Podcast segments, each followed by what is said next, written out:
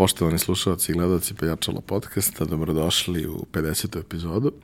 Ja sam vaš domaćin Ivan Minić, a danas imam posebno ovaj, zadovoljstvo u jubilarnoj 50. epizodi.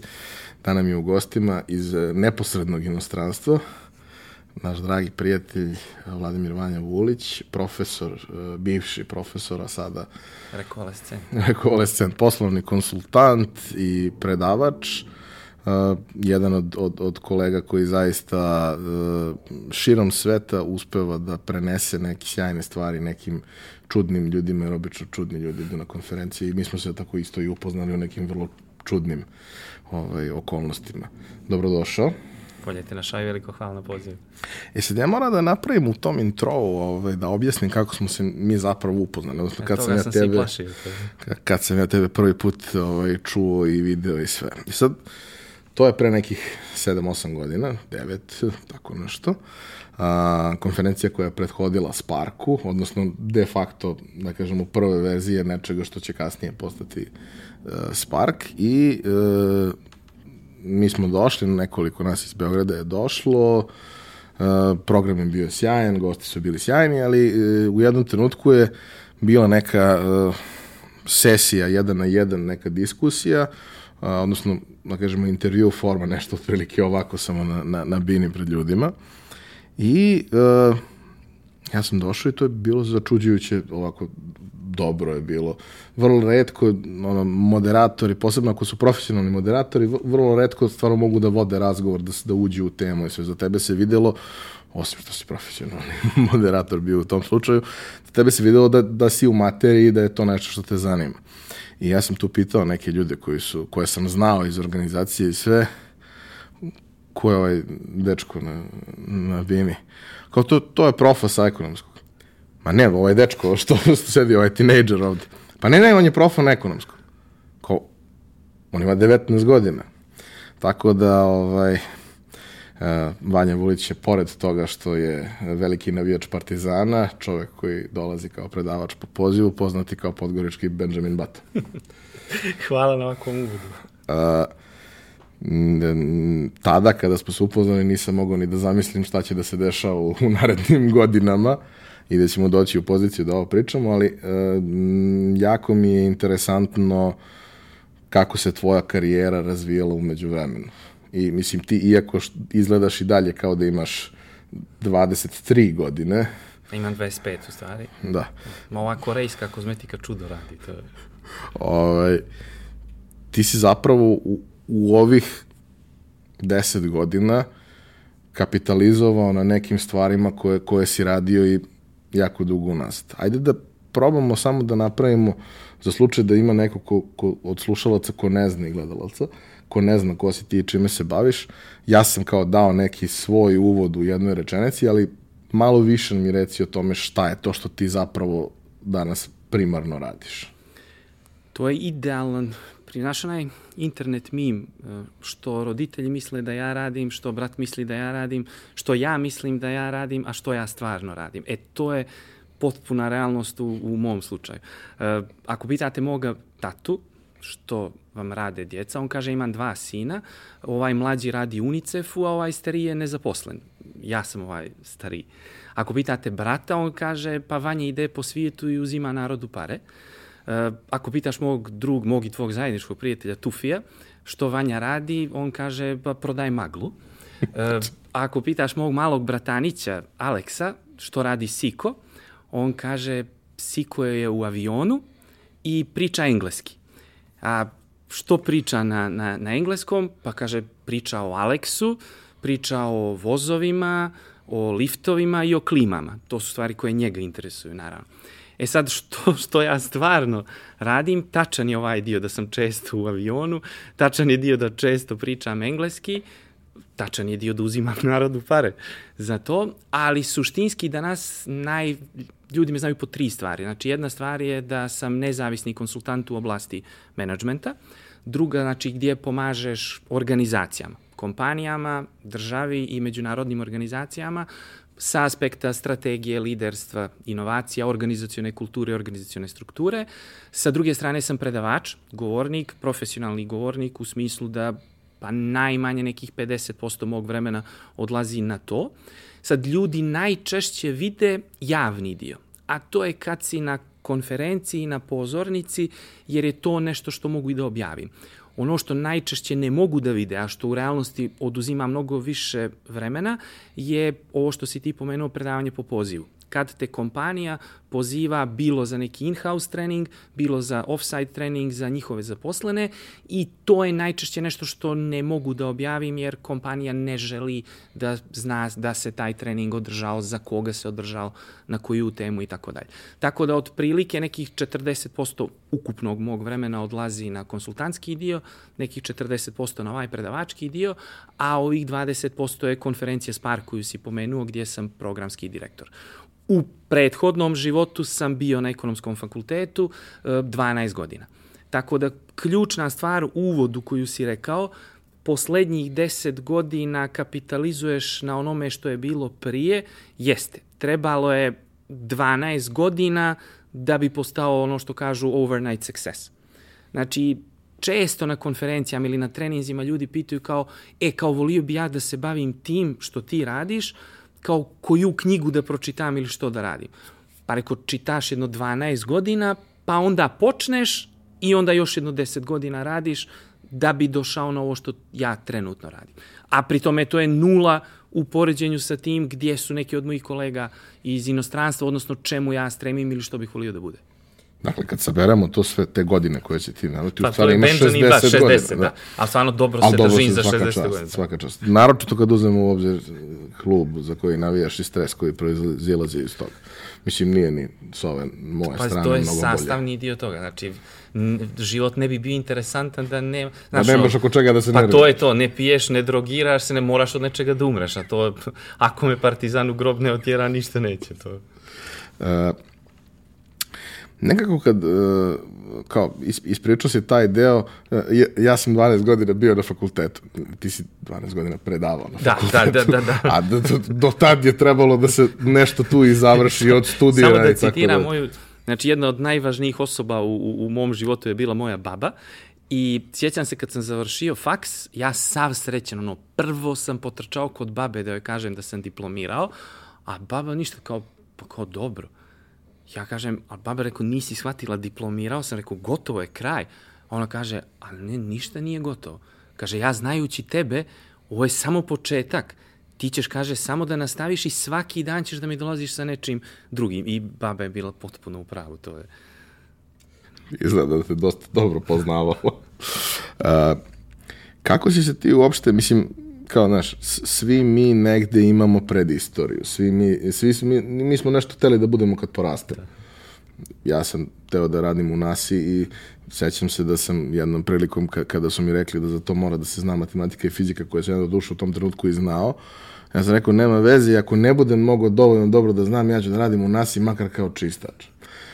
I nisam došao do toga da radim u NASI kao čistač, ali sam bio u NASI par puta i ponekad mi bude žao što sam kao batalio celu tu priču sa, sa prirodnim naukama i svim, mada nisam potpuno, jer kao bavim se tehnologijom danas, ali, ali nije ali to isto. Ali u kukaju što nisi kod njih to da znaš. Ah, dobro, bože moj, bio sam tri put, pazi. U periodu od deset godina tri put. Znaš, ve, već sam ono, krenuo da razmatram, jer tamo kad kupiš onu godišnju ulaznicu, kao, košta malo više nego pojedinačno i kao možda ideš na ograničen broj puta. Kada kao ako nekad isplaniram da odem dva puta u godinu dana, da budem tamo, da idem svaki dan. Jer, mislim, i filmove samo da gledaš po ceo dan, pa dokonom čoveku dovoljno. A, šta si ti hteo da budeš kad porasteš? I, i, i šta si postao ako si porastao umeđu vremena? E pa ovo je poslednje ključno, ako si porastao. Uh, sigurno što nisam htio da budem je, nisam htio da budem profesor.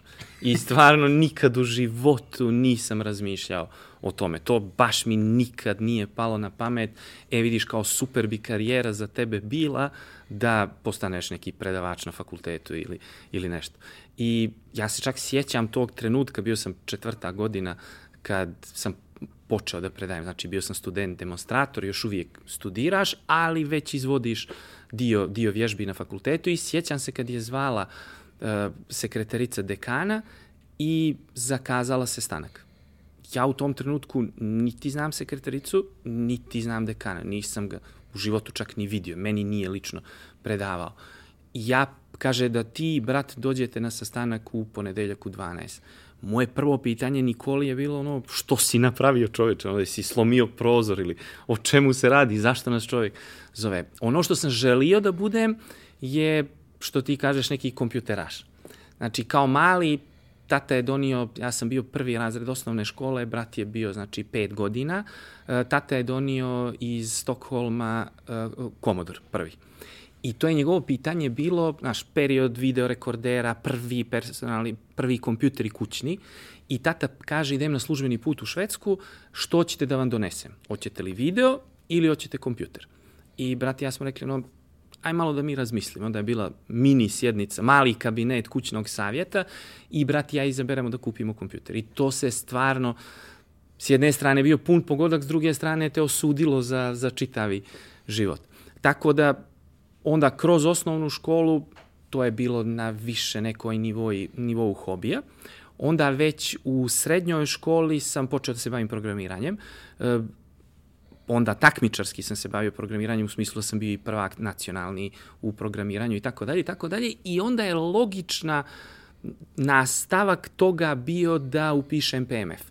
Sad, ja nikad nisam bio onako jednodimenzionalan, tako da sam se prilično lomio između toga da upišem programiranje i da upišem ekonomiju jer kako je tata ekonomista, ja sam uvijek kad on dolazi sa puteva čitao sve moguće novine i časopise poslovne koje on donese. I to je uvijek bila moja dilema što da uradi. Međutim, ljubav prema, prema kompjuterima, a posebno moja veza sa PMF-om u to doba, jer živio sam vrlo blizu PMF-a i još, znači u osnovoj i kasnije u srednjoj školi sam intenzivno boravio na, na PMF-u, imao dosta prijatelja, prvo studenta, kasnije asistenata, kasnije su neki i postali profesori i želio sam da se ja usavršavam u toj oblasti. I izdržao sam dvije godine.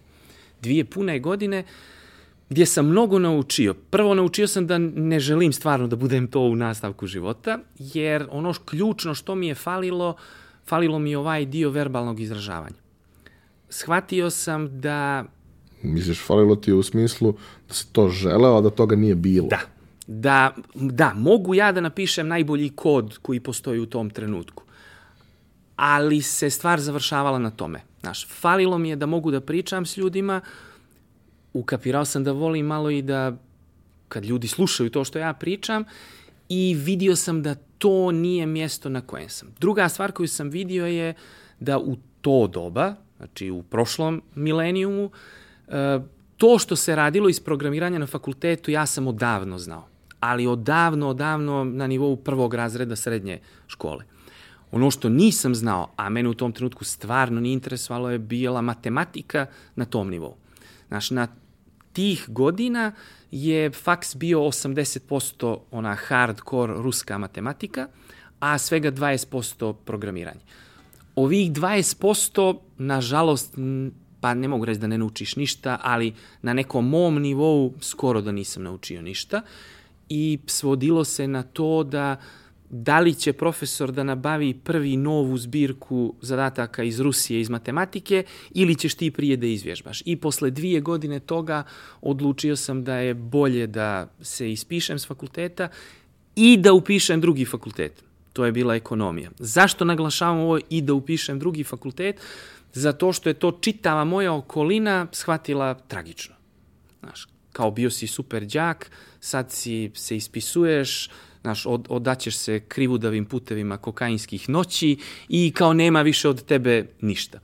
To je išlo dotle da je moja razredna iz gimnazije koja je predala fiziku, koju obožavam, prvi put kad me je srela rekla, je li istina da si batalio faks? Ja kažem, a ja sam srećen kažem, jeste profesorice, a ona kaže, dok ne završiš, nikad više da mi se nisi javio ni na ulici. Ja kažem, ali razredna, dogovorili smo se nešto. Ja to stvarno ispoštujem. Do tog dana kad je trebala da se najavi moj diplomski, koji je bio javni, i ja zovem i kažem, dobroveče, dobroveče, rekao Tanja ona kaže, a Vanja, ti si, ja kažem, da, gospodin Vulić, ovdje sad, ja se naravno igram i kažem, hteo sam da vas obavijestim da dane toga i toga je javna odbrana mog diplomskog. E, tu onda nastaje spektakl, jer i ona, a i svi ostali oko mene kapiraju da moje napuštanje fakulteta nije bilo u želji da batalim sve u životu, nego u želji da se stvarno obrazujem u oblasti za koju sam shvatio da me interesuje, na način na koji sam umeđu vremenu otkrio da me, da me interesuje. Ja sam negde imao trenutak, uh, to je bilo, mislim na početku srednje škole ili, ili negde na samom kraju osnovne, ali e, pošto sam se takmičio iz matematike, imao sam tu situaciju da jedan moj drugar koji je danas vrhunski programer i vođa jednog sjajnog tima u jednoj velikoj, velikoj svetskoj korporaciji, da smo mi vrlo često pričali ovaj, o svemu tome, išli zajedno na takmičenje i slično, i da sam ja u jednom trenutku shvatio da um, matematika koju on razume na intuitivnom nivou, ja ne razumem kad mi se objasni. Ne znači da ja ne mogu da rešim taj zadatak i da, ali da je jednostavno potrebno previše truda, a da je to tek početak nečeg ozbiljnog. Mislim, ne pričamo o redovnoj matematici za školu, pričamo o toj takmičarskoj koja je sigurno bila na nivou neke kraja neke srednje škole. I da sam shvatio da u stvari ja ne odustajem zato što ne želim time da se bavim, odustajem zato što ja u tome ne mogu da budem dovoljno dobar. A proces ceo će nositi sa sobom e, gomilu stresa, frustracija, svega. I opet uz sve to, ja neću biti dovoljno dobar na kraju u tome što radim. I neću biti sigurno, izvesno neću biti srećen time zbog toga što radim.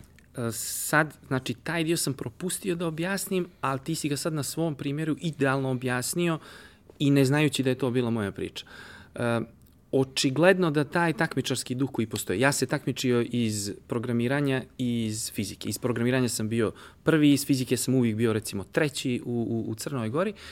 I očigledno da taj takmičarski duh, čak i ako ga nisi svjestan, radi i tekako radi. I da kad ti kapiraš da to nije nešto što ti kažeš gdje možeš da budeš najbolji, da ti to potencijalno osjećaš. Kažem, jesam ja bio najbolji u Crnoj Gori, ali sam ja malo maštao da je programiranje kod nas na faksu makar 40%, da ne pretjeram da bude više od toga programiranja, a ipak malo manje matematike. Na nekim današnjim smjerovima to jeste tako. Tada, kažem, to je matematik, e, programiranje je bilo bukvalno nakalemljeno na onaj fakultet originalno matematički koji je bio. Tako da i ta činjenica da u jednom trenutku kapiraš da to nije nešto gdje možeš da budeš najbolji, vjerovatno utiče i na kasnije na neku promjenu i, i stava i životnog puta i sve ostalo. Mislim, u samom programiranju i nečemu čime se ja danas bavim, menadžmentu u okviru toga, je došlo do velikih promena. I, uh, znaš, kao često pričamo o tim nekim legacy sistemima koji se koriste iz 60. i 70. godina i neke jako važne, velike stvari kao što su no, kartične transakcije, bukiranje letova, rade na softverima koji su stari 50 godina. I kao, pa dobro, kao što ih neko ne zameni. Brate, to radi 50 godina. Ni u jednom trenutku nisi imao problem. Više nemaš hardware na kome to možeš da voziš, kao to radi 50 godina. A što radi 50 godina? Zato što su ga pravili ljudi koji su bili naučnici, a sad ga prave ljudi koji su ono, uz management studirali nekakav IT ili nešto i sve im je ono drag and drop, plug and play i super, mislim, to funkcioniše na nekom nivou, ali ne na tom dubokom sistemskom nivou gde kao, znaš, kao, ne, nećeš software za avion eh, praviti u WordPressu, jer kao, ako nešto ne radi, pašće avion. Ako padne sajt, A dobro, mislim, znaš, ko proradit će posle 15 minuta, nije važno. Posle 15 minuta više nema aviona. I nekako, mnogo tih, mnogo je uh, u, u tom periodu nakon IT ušao u, u sve sfere i postao na neki način uh, previše narodni. Ali i dan danas, recimo, sećam se, bio je neki oglas pre, pre par godina kad je, kad je Norde ustražio neke, neke senior developere sa uslovom da su završili uh, inženjerske smerove na nekim od fakulteta i onda nabrojano, ne znam, ETF, PMF i još, još neki fakultet je uh, tu bio stavljen, mislim, nije mašinet, nego recimo FTN, na primjer, Novosadski. I onda su se javili ljudi sa, sa FONA, sa raznih drugih fakulteta, kao, to nije u redu, to je diskriminacija. Ne, nije, nije diskriminacija. diskriminacija. Nama trebaju ljudi koji znaju, znaju. naprednu matematiku i statistiku. Kao, matematika na većini drugih fakulteta je Disneyland u odnosu na ono. Ljudi sa, sa ozbiljnih fakulteta vuku ozbiljne traume sa tih nekih predmeta koje je zaista bilo teško položiti. U, u tom malom delu, kada praviš igru koja igra 10 miliona ljudi, moraš znaš takve stvari. To više nije nešto što, aj, nema veze, pa može i ovako u principu radi. Mora stvarno da radi. A... Izvini, samo da uskočim s jednom stvari, pošto smo neplanirano smo se dotakli sad već i digitalne transformacije i ti si pomenuo legacy sisteme. Ljudi koji nisu u oblasti uh, misle da na bilo kojem mjestu na svijetu je u svakom trenutku instalirana najnovija tehnologija u smislu i hardvera i, i softvera. I onda se žale kao pa znaš ja kod mene na poslu imam to i to, a ja onda navodim primjere koje si ti sad rekao. Recimo, kompletan njujorski metro radi na OS2, IBM-ovom operativnom sistemu, koji je, znači, to je neki kraj 80-ih, početak 90-ih ili tako dalje. I nikome još uvijek ne pada na pamet da to zamijeni, jer što ti kažeš, funkcioniše.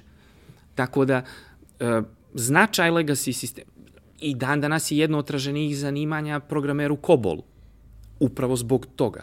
Tako da njihov značaj i uloga i stepen težine da se zamijene je vrlo značajna stvar. S druge strane, e, ovim danas čime se bavim, znaš, kad ljudi kažu, pa jel misliš da si kiksao ili žališ li za tim što si bio dvije godine i polagao ispite, pripremao i tako dalje? Ne. Prvo, i da se ne bavim ovim ne bi žalio jer mislim da je to bilo ogromno iskustvo posebno što je meni tada to mnogo pomagalo u mom biznisu koji sam ja kao student imao. A s druge strane, u današnje vrijeme mislim da je to bila idealna stvar za ovo čime se bavim.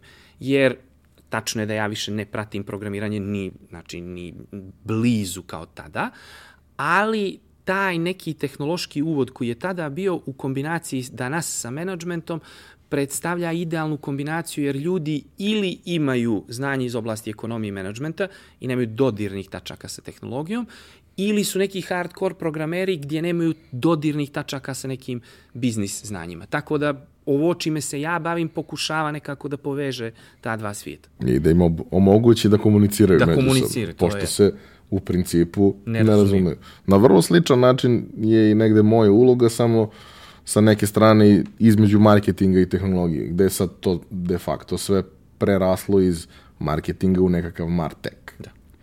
A, pomenuo si da si tokom studija imao svoje ovaj, preduzetničke poduhvate, pa bi volao da podeliš ovaj, sa, sa publikom nešto o tome, kao neko ko je bio korisnik jednog od njih.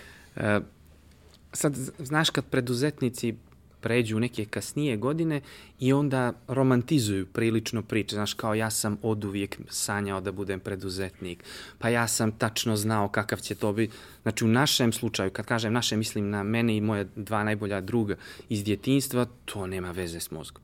Znači, mi smo se ložili na kompjutere kao osnovci, pa kao srednjoškolci, pa se u nekom trenutku čuješ, saznaš da postoje neki globalni BBS-ovi, Naravno, nemaš ti kući para da sa tvojeg telefona zoveš sad New York za neki BBS, pa u to vrijeme postojala institucija zvana, a nažalost i danas, državni posao, pa onda odeš kod tetke, strine, ujaka, komšije, pa onda sa njihovog telefona tamo pozivaš Ameriku, pa učiš, pa znaš, prve čet sobe i tako dalje i tako dalje.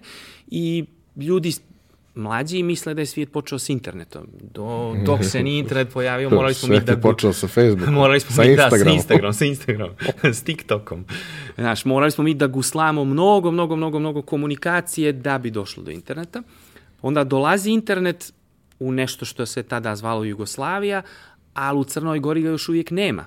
Znači, ja moram da pozivam Beograd da bih mogao da se zakačim na internet, što opet košta masu para, ali ga radimo, da bi, znači, u jesen 97. godine konačno počeo internet lokalno u Crnoj Gori. Znači, u varijanti da možeš da pozoveš telefonsku liniju u Podgorici i da možeš preko toga onda da se zakačiš na internet. I u jednom trenutku mi dolazimo na ideju da sve to što smo radili godinama prije toga, prvo ima neku korist. Drugo, možda bi moglo da pomogne nekim ljudima koji sad prvi put u životu znači, počinju da koriste internet. I naša ideja je bila da onda softver koji je bio u javnom vlasništvu, znači generalno public domain, software, freeware, shareware i tako dalje, skidamo lokalno, opisujemo na lokalni jezik, postavljamo na lokalni server da bi ljudi mogli da ga koriste. U tom trenutku mi nemamo pojma da će ta ideja da bude stvarno interesantna provajderu sa spektra snižavanja troškova.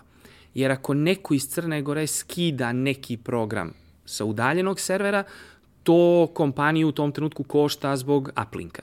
Ako ga skida lokalno sa servera u Podgorici, to kompaniju ne košta ništa. To smo mi tek kasnije saznali u tom trenutku, pojma nemamo mi što je to. I mi onako tri naivca sa cvetom u kosi i idemo na razgovor sa lokalnim internet providerom. Ne znamo ništa. Znači, ne znamo ko su ti ljudi, ko tamo radi, ko je direktor. Znači, ne znamo ništa. Znamo da mi imamo super našu ideju koja je toliko genijalna da mora svima drugima da se svidi. Kažem, vrlo naivno. Međutim, na našu sreću, sa druge strane se nađu dovoljno entuzijastični ljudi da prepoznaju našu ludost i da nas od starta podrže. I, znači, jedino njihovo pitanje je bilo što vam treba od nas, kako mi možemo da pomognemo. I sad, posle par mjeseci ono intenzivnog rada, krenuo je sa, sa radom Download Zone, odnosno u tadašnje vrijeme download.cg.ju i to je bio, da kažem, početak u startu našeg hobija. Jer naš dogovor s providerom nije bilo da tu ima nikakvih para.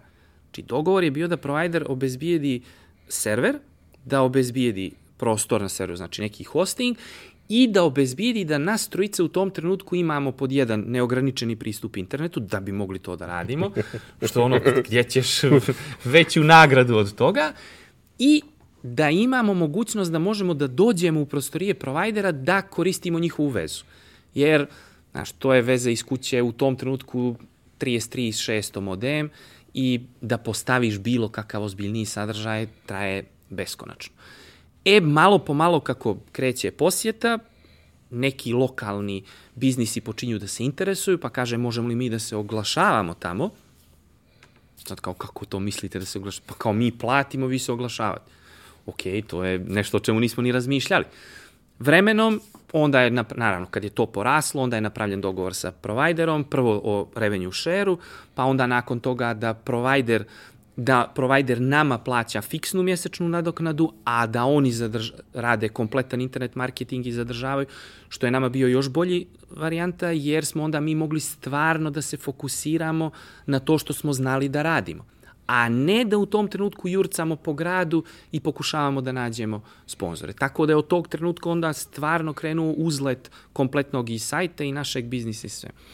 E, Paralelno s tim mi studiramo, sva trojica u tom trenutku na PMF-u, a na kraju smo sva trojica završili na ekonomiji iz sličnih razloga, ali paralelno sa tim mi kapiramo da ako smo već naučili kako da napraviš sajt, kako da postaviš sajt, da to nije nešto što treba samo nama, nego da očigledno postoje ili će postojati i drugi biznisi koji bi voljeli da budu na internetu. Tako da mi paralelno sa tim onda otvaramo, to je negdje 98. 9. godina, otvaramo agenciju, ovo što se danas zove digitalna marketinška agencija, samo prije 20 godina, koja je u stvari nudila usluge izrade web sajtova, digitalnog oglašavanja i tako dalje i za to neko vrijeme studensko, kažem, to je bio stvarno fantastičan uspjeh i s aspekta što smo mi naučili, što je bilo mnogo bitno, i dobrih i loših strana. Znači, tu je bilo ono nevjerovatnih kikseva sa naše strane koji ostaju lekcije za čitav život, a da iskreno i sa finansijskog aspekta posebno što, znaš, pričamo o periodu kad je studentski kredit bio 30 eura ili 30 maraka, recimo, u početku mjesečno, a vi ste, znači, nas trojica smo već zarađivali neki ozbiljan novac za, za to vrijeme. I tad si shvatio da otprilike e, e, rad sa klijentima nosi sa sobom određene vrste izazova. To je jedna divna stvar. ja se sećam, to je negde ok, ti si, ti si stariji od mene, ali uh, ja sam recimo 2000, 2000 2001. krenuo da, da radim to. U principu nik, nisam se oglašavao, imao sam stvari kojima se primarno bavim, ali to kao, znaš, kad nekom treba mali, mali koji to da. radi, ja sam bio mali koji to radi. I sećam se, nikad neću zaboraviti, zakažu mi sastanak, ja dođem na sastanak i sad ono, oni su mene zvali, ali ispostavilo se da nisu oni mene zvali, nego su njihovi prijatelji mene zvali da ja njima objasnim. Ja dolazim kod čoveka, ima ozbiljnu firmu, kasnije smo i sarađivali i ljudi su sjajni, ništa, ništa sporno, ali pričamo o 2000. godini, niko ne zna šta je to. I on pita mene šta je, ja mu objasnim da to svako može da pristupi, da je to trenutno skupo, ali u svetu je to postalo vrlo pristupačno i ovde će postati vremenom. Ko se što ranije plasira tu, prosto imaće kasnije benefit od toga. I čovjek me gleda i kaže, pa da, ali, mislim, meni ne treba reklama u Americi. Kao, ne razumem. Pa vi svi u stvari idete u Ameriku i tamo gledate to. Meni reklama u Americi ne treba. Ne, ne, ima i ljudi odavde. Ma nema, nema to ovde. Ne, to nema to. Ja sam, ja sam video u filmovima, ali to je, to je reklama u Americi. Dobro, dve godine kasnije smo uradili sajt i sve je bilo super, jer te dve godine su bile taj trenutak kada se pojavljuje ovde flat rate internet, kasnije kreću da se pojavljuju, tek kreću, ali vrlo brzo su se širili i ADSL-ovi i kablovski internet i sve i to dolazi do, do, do situacije da hteo, ne hteo, u jednom trenutku 20% reklama na televiziji su internet provajderi. I ne možeš da ignorišeš da se to dešava. Drugo, ono, svako drugo dete hoće nešto. Mada ja imam tu teoriju da je ipak e, najzaslužnija stvar za, za razvoj interneta u ovde regionu bila Severina, ali dobro, bože moj, mislim, to je kao trenutak kad imaš bukvalno onaj hockey stick rast broja korisnika. Um, studiraš ekonomiju, završavaš ekonomiju, diplomiraš, otišao si na neprijatan razgovor, misleći da je brat nešto napravio nekakav problem. I šta se dešava na tom razgovoru?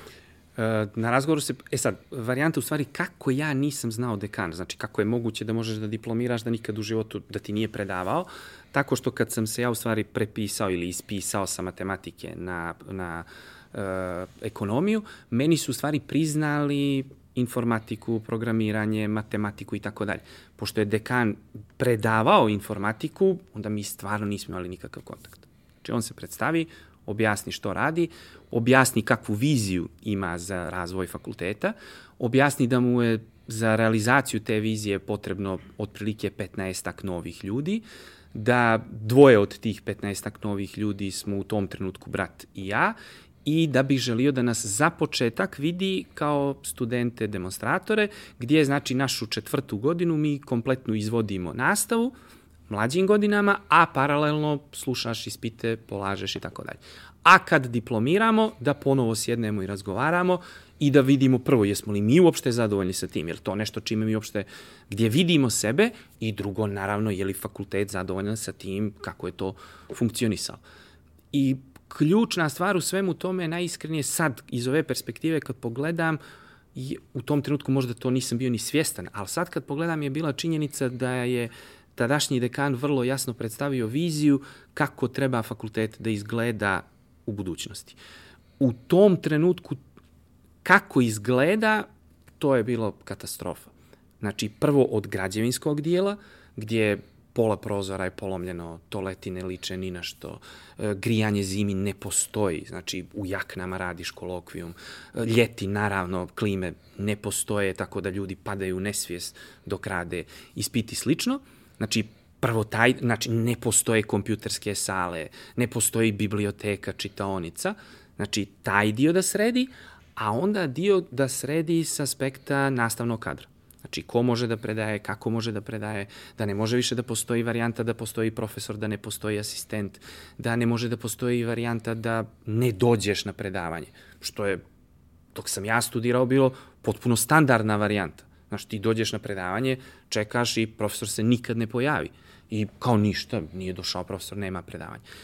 I mi stvarno počnemo to da radimo, nama ili meni se to mnogo svidjelo. E, ljudi kažu da sam to dobro radio, uslijedi ponuda da ostanemo na fakultetu i stvarno se to desi. Najvažnije od svega u narednih 4, 5, 6 godina, stvarno što, što je tadašnji dekan obećao i viziju koju je predstavio, stvarno se sve desi. I ne da se desi to što je nam je ispričao, nego uspije da napravi mnogo više nego što smo i mi maštali da budemo. Tako da u jednom velikom periodu mog boravka na fakultetu, to je bio ono posao i snova. Pa mislim, generalno taj moment kad ti dolaziš na posao, i iako dolaziš svaki dan i jednostavno kad dolaziš svaki dan ne vidiš toliko razlike, svaki dan je sve bolje. Ne možeš da ne primetiš da se stvari dovode u red, da se tu nešto dešava. I to krupnim koracima. I naravno da je to veoma jaka motivacija. Šta si predavao? Uh, generalno je to katedra za, za management i predavao sam dva predmeta, osnove menadžmenta na, na drugoj godini i strategijski menadžment na četvrtoj godini. Tako da je to generalno ono čime se bavim i dan danas. E sad, na fakultetu postoje one legendarne kvote, pa koliko imaš fond časova i tako dalje i tako dalje. E, najčešće se dešavalo da sa tim fondom časova ne možeš da ispuniš tu kvotu koja je obavezna na univerzitetu, što je značilo da si onda uz to moraš da predaješ još nešto. To još nešto je bio ili na prvoj godini uvod u biznis, ili na drugoj godini informatika, ili na četvrtoj godini elektronsko poslovanje. Tako da i kasnije tih 12 godina na faksu sam ja u suštini izvodio nastavu na dvije katedre. Na menadžmentu, koja mi je da kažem bila matična katedra, i na katedri za elektronsko poslovanje. Tako da i ovaj konsultantski dio kasnije što je proistekao to, iz toga je bio neki logičan nastavak fakulteta, ali logičan nastavak prethodno mojih studija dok sam ja bio student. A u kom trenutku kreće priča sa konsultingom? Zato što to prosto nije nešto što je uobičajeno. Postoje danas, da kažemo, profesori koji, sa fakulteta koji jesu konsultanti po pozivu i neki od njih su zaista sjajni i prepoznati i tako dalje, ali uobičajno to baš i nije tako. Uobičajeno je ona varijanta those who can't do teach. Teach, jest, e, jest. Uh, ti si negde vrlo mlad u celoj priči, vrlo popularan, dobar profesor koga studenti vole, sve to stoji, ali to baš sa ovim delom hardcore posla nema nikakve, nema nikakve veze. Nema, nema apsolutno nikakve veze. Uh, trenutak, ajde da kažem, ono, tipping point, stvar koja mijenja situaciju u ovu drugu stranu ka konsultantskom poslu i ka poslovnoj edukaciji su, da kažem, dvije stvari. Prva stvar je da meni realno postaje dosadno. Znaš, ja sam, moj prvi biznis o kojem sam pričao, znači download CGU, prelazi sad već u ruke Telekoma Crne Gore, Deutsche Telekom onda preuzima Crnogorski Telekom, nas trojica potpuno izlazimo iz tog posla, znači tako da taj preduzetnički dio je sad već završen i ostaje samo ovaj dio koji se tiče fakulteta.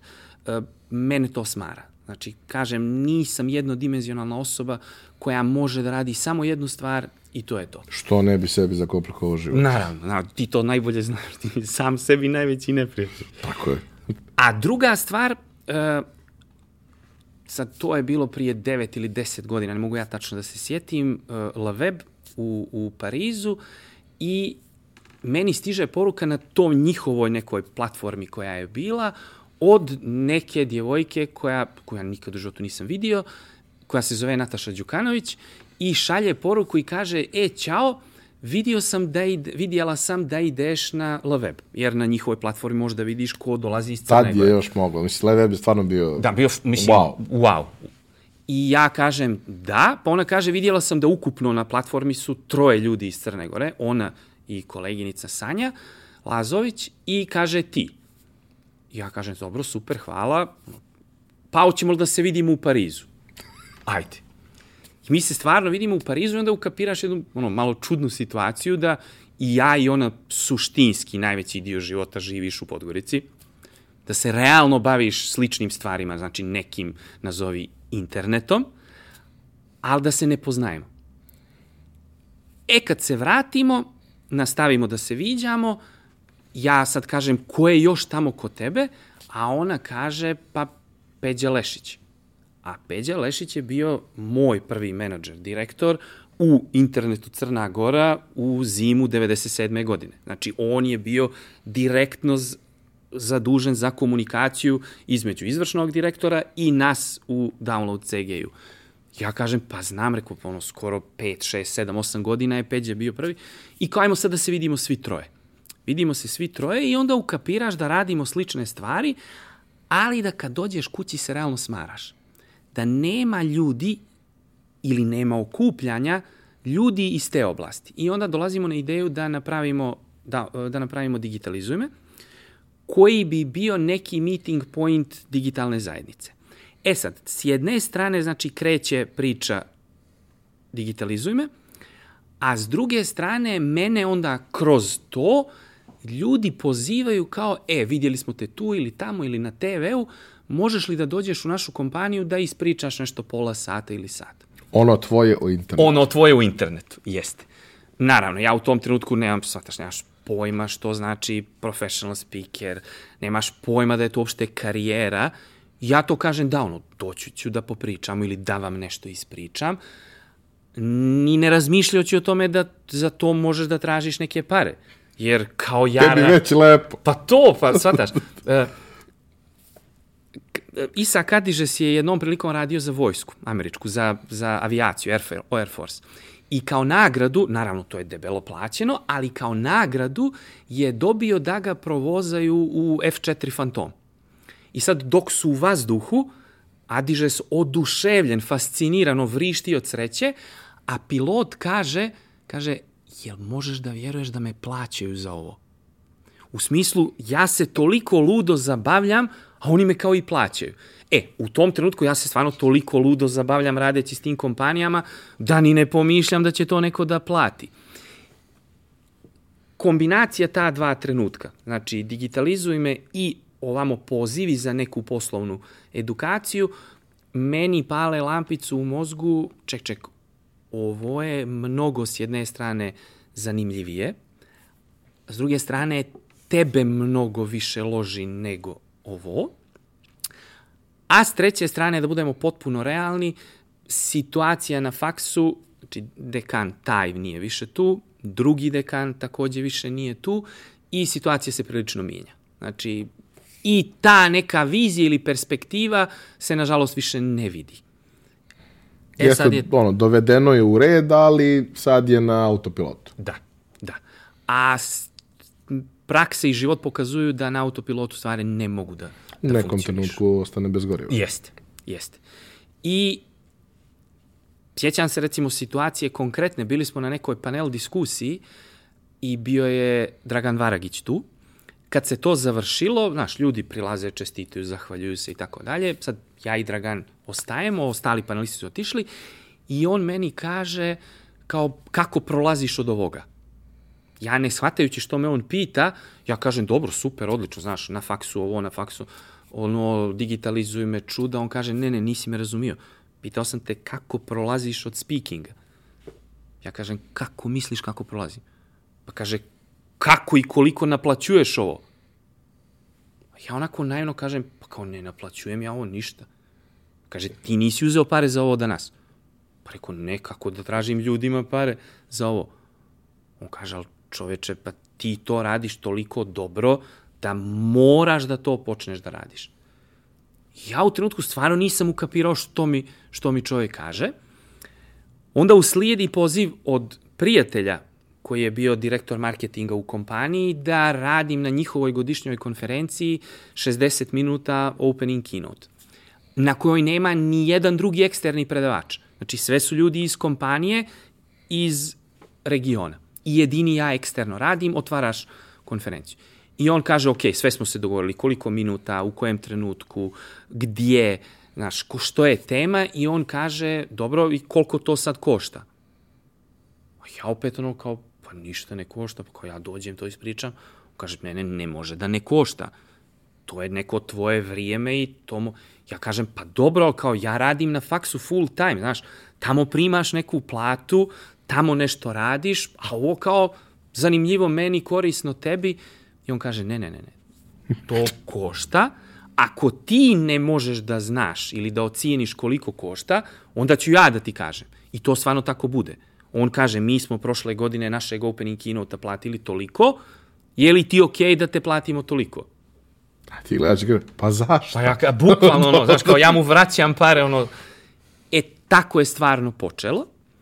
E, onda stvarno vidiš da to prvo funkcioniše, drugo vidiš da si dobar u tome, treće, kad ljudi vide da si dobar u tome, onda te oni pozivaju i vremenom to onda stvarno postane prevashodno zanimanje, kažem kombinovano sa konsultantskim poslom, gdje je to dosta često vezano. Znaš, ti si, budeš nekome, održiš neku obuku, pa te oni onda pozovu da im odradiš neki konsultantski posao ili obrnuto, radiš im kao konsultant, a onda oni kažu, ček, ček, ali mi smo videli da ti možeš nešto da ispričaš, pa možeš li to da, da bude.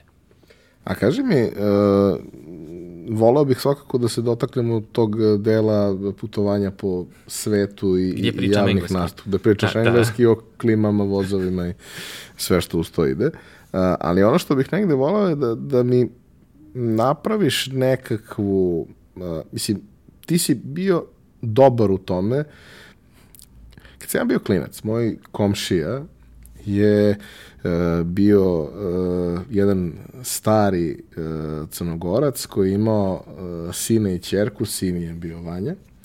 Ovaj, uh, I uh, Čikaratko je bio jedan od onih ljudi sa kojima sedneš, on da ti čita telefonski imenik, tebi bi bilo zanimljivo. I on je uvek imao neke fantastične priče Ja se sećam u jednom trenutku kad, kao kako se to meni spojilo u glavi ta, ta asocijacija. U filmu uh, Laf u srcu Danilo Lazović igra studenta Crnogorca i glavni lik u filmu ovaj, Nikola Simić ga pita, a čime se ti baviš? A ovaj kaže, diplomata, po obrazovanju, po rođenju. E, a, ima nešto u tome, ne bih sad baš da, da ulazim previše šta to ima u tome, ali ima nešto u tome, ali kao to je negde vrlo lokalna stvar. Ima nešto i u tome da crnogorci baš ne mogu previše da rade, ali ništa od toga nije baš 100% sve to tako, ali negde se povlači, jel, kao za sve narode u bivšoj jugi što postoje neke predrasude i, i, i momenti. To kleveću samo, nije. Malo, ne, nije to, nis, nismo svi, znaš, nismo svi. Ste vi svi baš tak, pa nismo svi.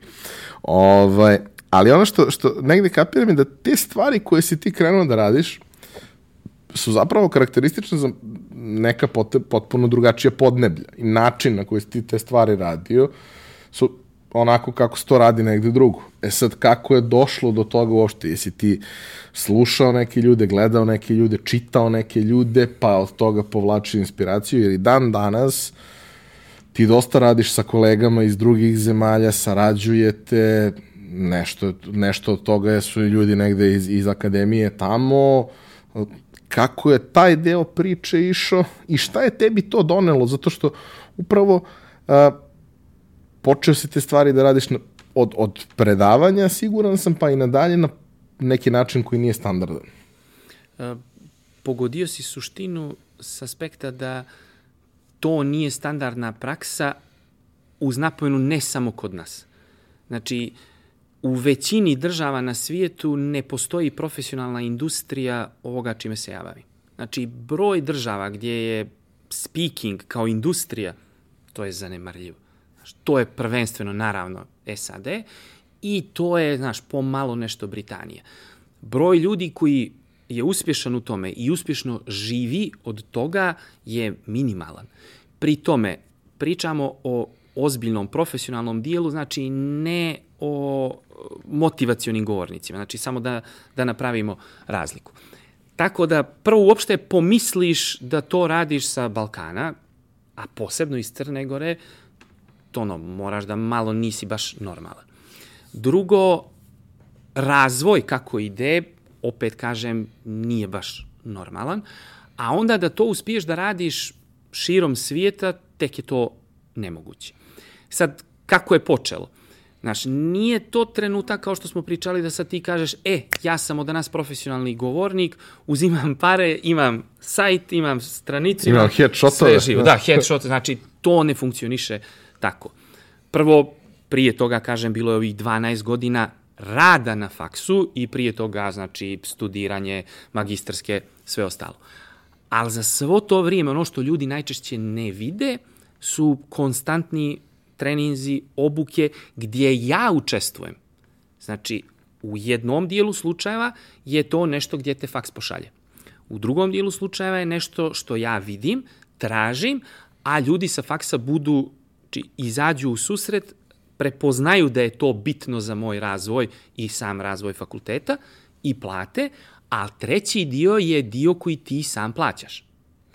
Znaš, nije, prvo nije lako sebi da objasniš da 10-15 godina ti plaćaš neke treninge, obuke u regionu, u Evropi i u Americi iz svog džepa, a onda nije baš lako ni da porodici objasniš sad, znaš, zašto daješ neke pare da bi pošao u Boston?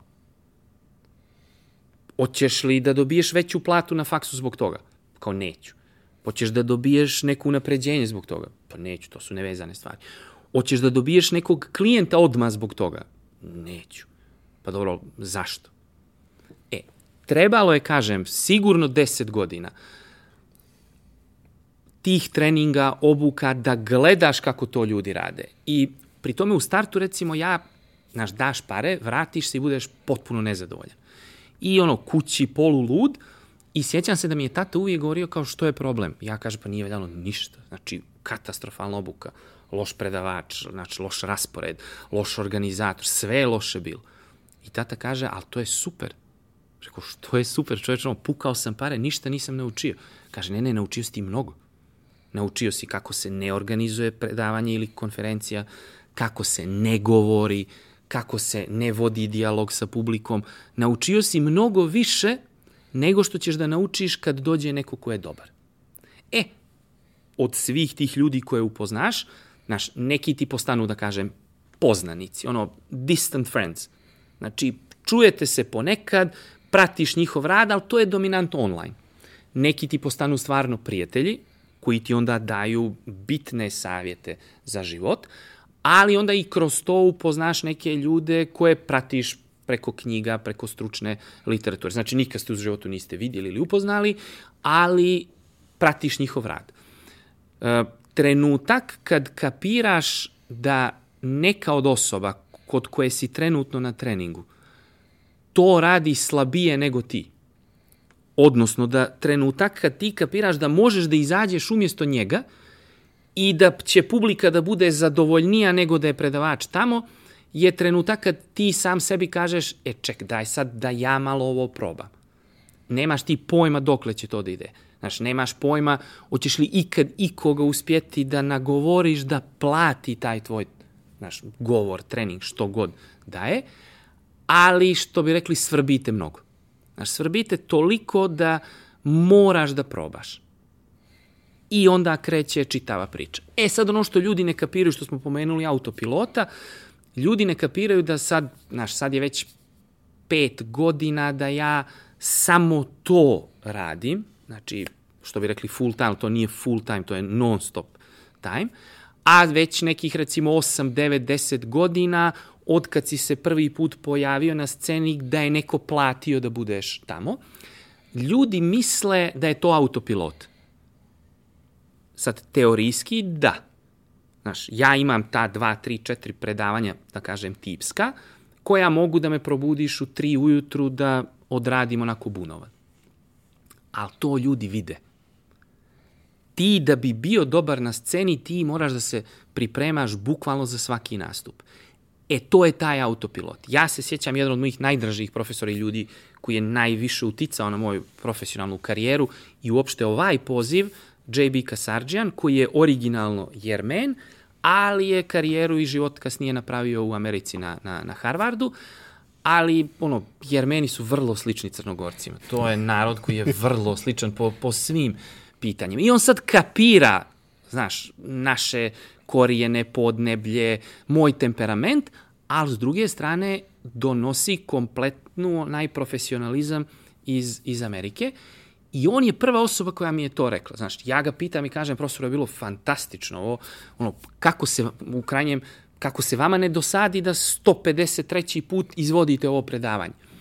A on kaže, ja ovo predavanje mogu bukvalno na autopilota da odradim ono, u tri ujutru da me probudiš i da ti to ne osjetiš. Ali, kaže, ja osjetim. Ako ga drugi put uradim tako, to je već onda znak da ja treba da batalim ovu profesiju. Znaš, ako se tvoj posao svede na odrađivanje, to onda nije, nije to. E, prošlo je dugo godina da sam ja recimo pročitao kad Rubinštajna su pitali koliko on vježba, on kaže ako ne vježbam jedan dan, ja primijetim na svom nastupu razliku u nastupu. Ali niko drugi to ne vidi. Ako ne vježbam dva dana, onda primiti muzička kritika. A ako ne vježbam tri dana, onda primijeti i publika. Tvoj posao kao govornika je da ne može da prođe ni taj jedan dan. Znaš, ako misliš da to svaki put bude show, spektakl i tako dalje. Pominješ sa tu neke globalne face. Ok. A, pominješ da si išao i po svetu da bi te stvari čuo. A, u kom trenutku uh, i na koji način krećeš da tražiš prilike gdje bi možda mogao to da pokažeš? Jer pretpostavljam da barem za te, da kažemo, uh, za, za inostranstvo, ne ovo baš neposredno ovde, ali malo dalje, u početku moraš da se ponudiš. Opet pogađaš potpuno suštinu. Uh, Ali prije ovog pravog inostranstva, ajde objasnim kako to izgleda ovo što se sad moderno zove region, ali to je kao da sam kući. E, do tog trenutka ja sam imao nastupe samo u Crnoj Gori. I bilo na faksu, bilo na konferencijama. Bez roaminga. Bilo bez roaminga, jeste. ovo je opasna iluzija, aluzija, ali vratit ću ti ja za ovo kasnije. I, ali kažem i biznis uh, edukaciju. I dešava se Webiz u Zrenjaninu, znači prije nekih 8-9 godina. E, Miloje Sekulić posreduje za Vladu Kovača da budem zvanični bloger Webiza iz, što bi rekli, inostranstva. Ono, znaš, kao dobiješ međunarodni karakter konferencije. Ja prihvatam, nisam bio nikad na Webiz, generalno ne znam vladu, ekipu, Miloja znam od ranije, još uvijek ne znam dosta ljudi iz digitala iz Srbije i volio bi da upoznam ljude i ja kažem super, može, ono, slobodan sam i dolazim i to se dogovorimo. Bukvalno par dana pred konferenciju mene ponovo zove Miloje i kaže imam jedno pitanje za tebe. Ja reko što je? Kaže neki predavač tamo je otkazao, uh, Kovaču je frka da ne može dva dana pred konferenciju da nađe predavača. Ja sam preporučio tebe. Je li tebi to okej? Okay? Ja kažem, jeste, meni je to super, ali zašto si me ti preporučio tebe? Kaže, ajde ti, ja sam tebe slušao, imam povjerenja, znam, pitanje je li tebi u redu? Ja rekao, jeste. Tako da moj prvi nastup van Crne Gore je bio potpuno slučajan. Znači, neko je otkazao, ja sam uskočio i kažu ljudi da sam izdominirao na tom webfestu. Izvinjam se, na tom webizu. I, pa ti si rekao da sam bio dobar na, na, na webfestu. I tu je krenula, da kažem, regionalna priča. Znaš, u sali je bilo mnogo ljudi koji su neki HR menadžeri, marketing menadžeri i tako dalje. I onda su počeli da te pozivaju što na lokalne, izvinjam se, što na konferencije, što na neku in-house edukaciju. Paralelno sa tim, bila su dva nastupa na, na TEDxu, jedan u Zemunu, drugi za pa, dvije godine u Zagrebu, gdje su te onda ljudi sad opet vidjeli na neke manje poslovne teme. Iz moje ili tvoje perspektive one su vrlo poslovne, ali često ljudi baš ne mogu da povežu neke malo abstraktnije stvari sa svojim svakodnevnim poslom. E sad, ono što ja nisam kapirao u početku, a ti si sad odmah pitao, je da u startu moraš ti da se ponudiš. Znaš, ja sam živio u nekom ubjeđenju i tako sam vaspitan, da se razumijemo odmah, da je tvoje da radiš, da će ljudi to da vide i da prepoznaju i da će da te pozovu. I ja sam to stvarno tako radio. I prvi pozivi iz inostranstva su stvarno bili takvi. Znaš, negdje je neko vidio tvoje predavanje na engleskom o liftovima, klimama i vozovima na YouTube-u i onda te je pozvao da na njihovoj konferenciji u pravom inostranstvu uradiš isto predavanje. Ali broj tih poziva bude jedan ili dva godišnje. To, znaš, ne možeš da sebe zoveš profesionalnim govornikom ili da maštaš da živiš od toga sa jedan, dva nastupa. Zavisi koliko su plaće. I ja još nisam na tom nivou da mogu kao Simon Sinek da uzmem 100.000 za jedno predavanje, tako da, ali ono, može to iz tvojih usta neka se ostvari. I onda kažem sebi, čekaj, a da možda probaš drugi pristup. A to je bilo stvarno vrlo teško. Pull i push. Da, pull i push, da. Znaš, to ide malo sad i protiv tvoje prirode. Znaš, ti trebaš da napišeš mail gdje se ti nudiš nekom... Da se prodaješ. Jeste. A to, znaš, nisu te učili, u, mi, stvar koju mi najmanje učimo, odnosno realno nikad ne učimo u školi je prodaja. I to je nešto gdje generalno svi u, u regionu fulamo. Ali to krene. Pri tome krene tako što ti moraš da napišeš u startu recimo 50 poziva, 50 molbi, ponuda, da ti se od 50 na 45 niko ne javi, e, da ti tri kažu hvala ne, znači ni ne ulazeći u dubinu, a da ti možda dva kažu to se ne uklapa trenutno u ovogodišnju temu konferencije. I da od 50 ne dobiješ ni jedan. Nije baš lak trenutak kad od 50 ne dobiješ ni jedan, ali onda kažeš ajde napišem još 50, pa još 50, pa još 50, pa dobiješ jedan. Pa taj jedan uradiš, pa bude odličan, pa možda i oni objave video na YouTube-u, pa možda tamo bude neko ko te pozove. Ono što u startu ne kapiraš je da ako te u trenutku kad izađeš sa scene neko ne bukira odmah za angažman, ja sam mislio da onda nije bilo koristi od tog nastupa. Kasnije kapiraš da prođe po dvije, tri godine – tebe neko pozove i kaže organizujemo to i to, voljeli bi da nam budeš opening keynote speaker. Ja kažem, dobro, sve super, ok, dogovorimo sve detalje, e, ali možeš sad da mi kažeš najvažniju stvar, jer meni je to bitno zbog posla. Znači, koji je bio lead, referral? Kako si uopšte došao do mene? A onda osoba kaže, ja sam te slušao prije godinu, dvije, tri, četiri, pet, na tom i tom mjestu, oduševio sam se, zapisao sam tvoje ime i kontakt podatke i čekao sam trenutak dok nam ta tema ne dođe na dnevni red. I onda sam te zvao. E onda, znaš, se iz tvoje situacije mijenja perspektiva. Znaš, nije samo odnos, e, čao, možemo li nešto da radimo, ne možemo, doviđenja, prijatno. Nego da je odnos nešto što mora da se njeguje godinama. Meni je to sve lakše bilo jer sa druge strane, kako sam programski direktor Sparka, ja znam da iz pozicije organizatora ja moram da jurim druge govornike godinama da bih ih dobio za mene. I onda sam nekako govorio sebi, sad si ti ovaj sa druge strane, čekaj godinu, dvije, tri, pet, doći će do toga. Sad vidiš, iako navijamo za te ovaj, suprotstavljene tabore, iako si ti iz Podgorice, a ja iz Beograda, iako si ti malo stariji, ali dobro, to sad nije važno, izgledaš mlađi od mene trenutno, a, zapravo se stvari prepliću. I u mom profesionalnom ovaj, razvoju i karijeri prethodnih deset godina je bilo mnogo situacija u kojima neko kaže mi, mi vas znao, slušali smo vas negde. Dobro, gde ste me slušali? Kaže, pre četiri godine sam te slušao negde kako si nešto pričao. Uh mhm. -huh. Dobro. I kao, sad je došao trenutak da mi hoćemo da napravimo taj korak.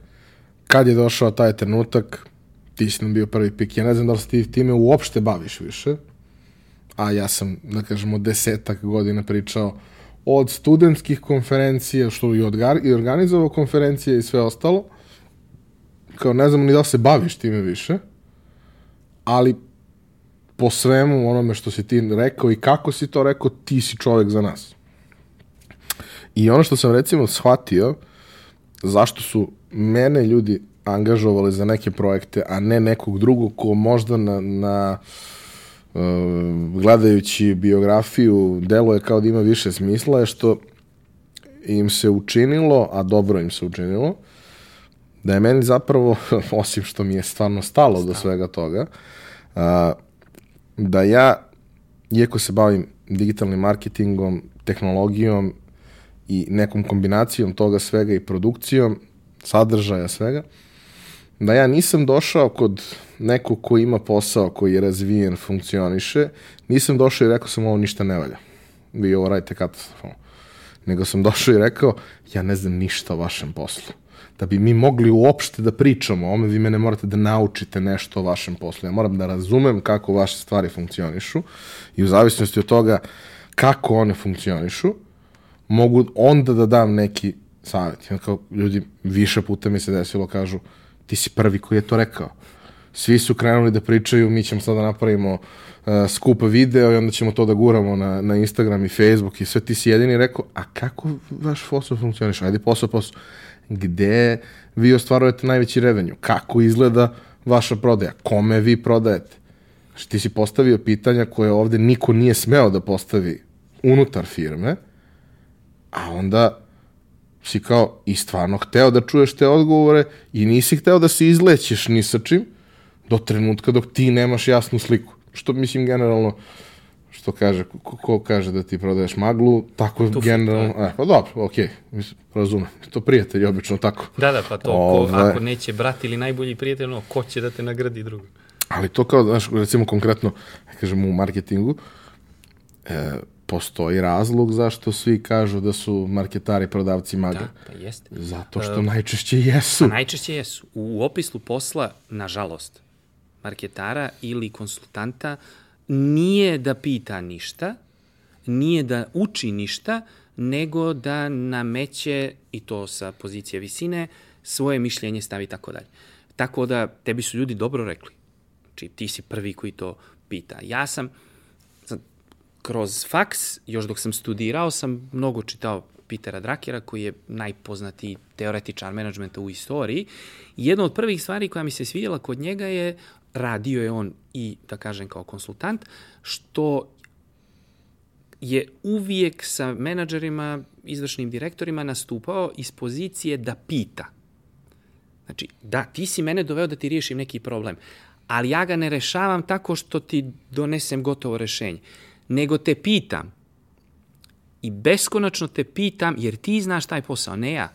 Dok ti sam sebi ne odgovoriš i ne dođeš do rešenja. E sad, to je malo specifično zbog toga što određeni broj ljudi na kraju procesa kaže, pa čekaj, ja sam u stvari sve znao, ti mi nisi ništa pomogao. Znaš, to bude malo, pa kao što sada ti platim, kao pa, znaš. E, kasnije kad sam počeo da se bavim i kao govornik i kao konsultant sam dosta čitao i Jima, Jima Collinsa, koji je Drakerov učenik, koji radi istu stvar. Koji u stvari beskonačno postavlja pitanja dok tebi unutar kompanije nije jasno zašto. Jer e, vremenom, godinama, osim što se upali onaj autopilot, dolazi do sljepila. I stvari koje menadžeri vide se sužavaju, sužavaju dok ne postanu bukvalno znaš, jedna prava linija, to nije više ni kanal, to je bukvalno linija. Tvoj zadatak kao nekog konsultanta ili nečega je da to pomjeri makar malo sa strane da bi vidio. I da ti budeš taj koji će da pokuša da preispita neke stvari, neke aksiome koji su danas postali dio organizacione kulture. Preispitivanjem tih aksioma možemo da se pomjerimo dalje. Pa vrlo često mislim, mislim da je to negde i ona, mentalitetska stvar i jedan od razloga zašto nam je tako super kako nam je. Ove, I taj moment da ljudi zapravo te ne zovu da bi iskoristili tvoje znanje, zovu te da bi dobili potvrdu. E, to se vrlo često dešava i S druge strane, ja sam sad već dovoljno iskusan da to mogu vrlo jednostavno da vidim još i u periodu ugovaranja. I njima u stvari ne treba neko da otvori vidik, njima ne treba neko da promijeni situaciju, ne treba neko da razmrda postojeće stanje, nego im treba konfirmacija, potvrda ovoga što oni misle. Idealna varijanta je ako sa pozicije menadžmenta pravi predavanje, obuku, trening, što god, ne za board, ne za top management, nego za zaposlene, u nadi da će onda predavač, to jest ja, da kaže isto to što je rekao direktor. I da onda oni kažu, a ček, ček, znači nije ovo mislio direktor, nego je ovo stvarno tako. Jer evo i ovaj čovjek to kaže da je tako. Problem je što ja to ne radim tako, što najčešće ja kažem stvari s kojima se direktor uopšte ne slaže ili ne misli da su tako, pa onda ima obrnutu situaciju, da onda posle toga zaposleni kažu, pa čekaj čoveče, ovo što si ti pričao nema veze s mozgom, evo sad nam je čovjek rekao. Tako da nisam od onih predavača koji podržavaju to što se dešava. Nisi od onih predavača koji više od jednom rade za isto klijenta. Da, znaš. Da. uh, ono s čim sam zadovoljan je što stvarno imam klijente koji, bez obzira koliko ja kritično nastupim i sa aspekta kompanije, i sa aspekta industrije, i generalno sa aspekta biznis okruženja, oni me angažuju i treći, i peti, i deseti put. Zašto? Zbog toga što stvarno im to treba. Znači, ne doživljavaju kritiku na ličnom nivou, nego na nivou čitave industrije ili kompletnog biznis okruženja. Ako je način na koji mi trenutno organizujemo biznis ili vodimo biznis zastareo, okoštao, pogrešan, nije sad to kritika konkretno na tebe, nego na generalno kulturu koja postoji u biznis okruženju. I čovjek svata potrebu da to treba da, da promijeni. Omiljena stvar mi je, rijetko se dešava, ali je genijalna kad se desi, kad te pozove lider u industriji i na tvoje pitanje, dobro, zašto me zovete? Znaš, vi ste najveći, najbrži, sa najvećim prihodom, najvećim udjelom na tržištu. Zašto me uopšte zovete? Kad ti čovjek direktno kaže da mi jesmo u ovom trenutku, ali ja ne znam što će da bude za pola godine, godinu, dvije, tri. A želim da to budemo i tada. Moramo da se mijenjamo sad odmah da bih u budućnosti zadržali tu poziciju. E to znači da osoba ili kompanija prvo stvarno razumije potrebu da se reaguje, a da drugo razumije što to čime se ja bavim. I onda moja poruka ne ilazi na plodno tamo. Uh, voleo bih sada da se malo dotaknemo cele priče sa, sa Sparkom i sa Digitalizujem Mislim, Spark je godinama unazad prepoznat kao jedna od i najboljih i najatraktivnijih konferencija u celom ovom širem regionu Uh, upravo zbog Zapadno toga... Zapadno od Mississippi, kažeš. Da. Ovaj, upravo zbog toga što uspeva da okupi najrazličitije uh, moguće govornike uh, koji su svi u onome čime se bave u svetskom vrhu.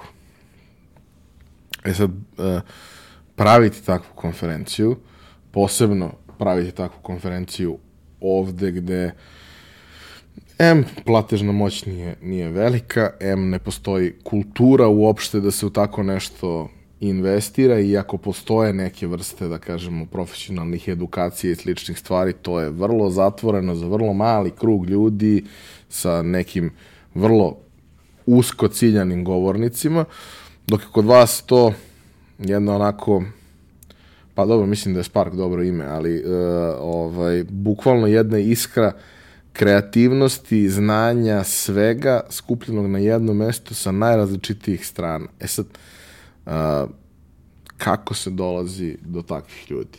Ok, kad konferencija postoji pet godina i oni koji su bili, bilo im je sjajni pričaju svojim kolegama i prijateljima, verujem da je lakše, ali od čega se kreće? Kako ste uopšte, znaš kao, ja sam u svom životu par puta uspevao da dovedem neke neverovatne govornike i bez budžeta ili da nađem nekakav način da pokrpim taj budžet, da nije trošak, da, da ovo, da ono.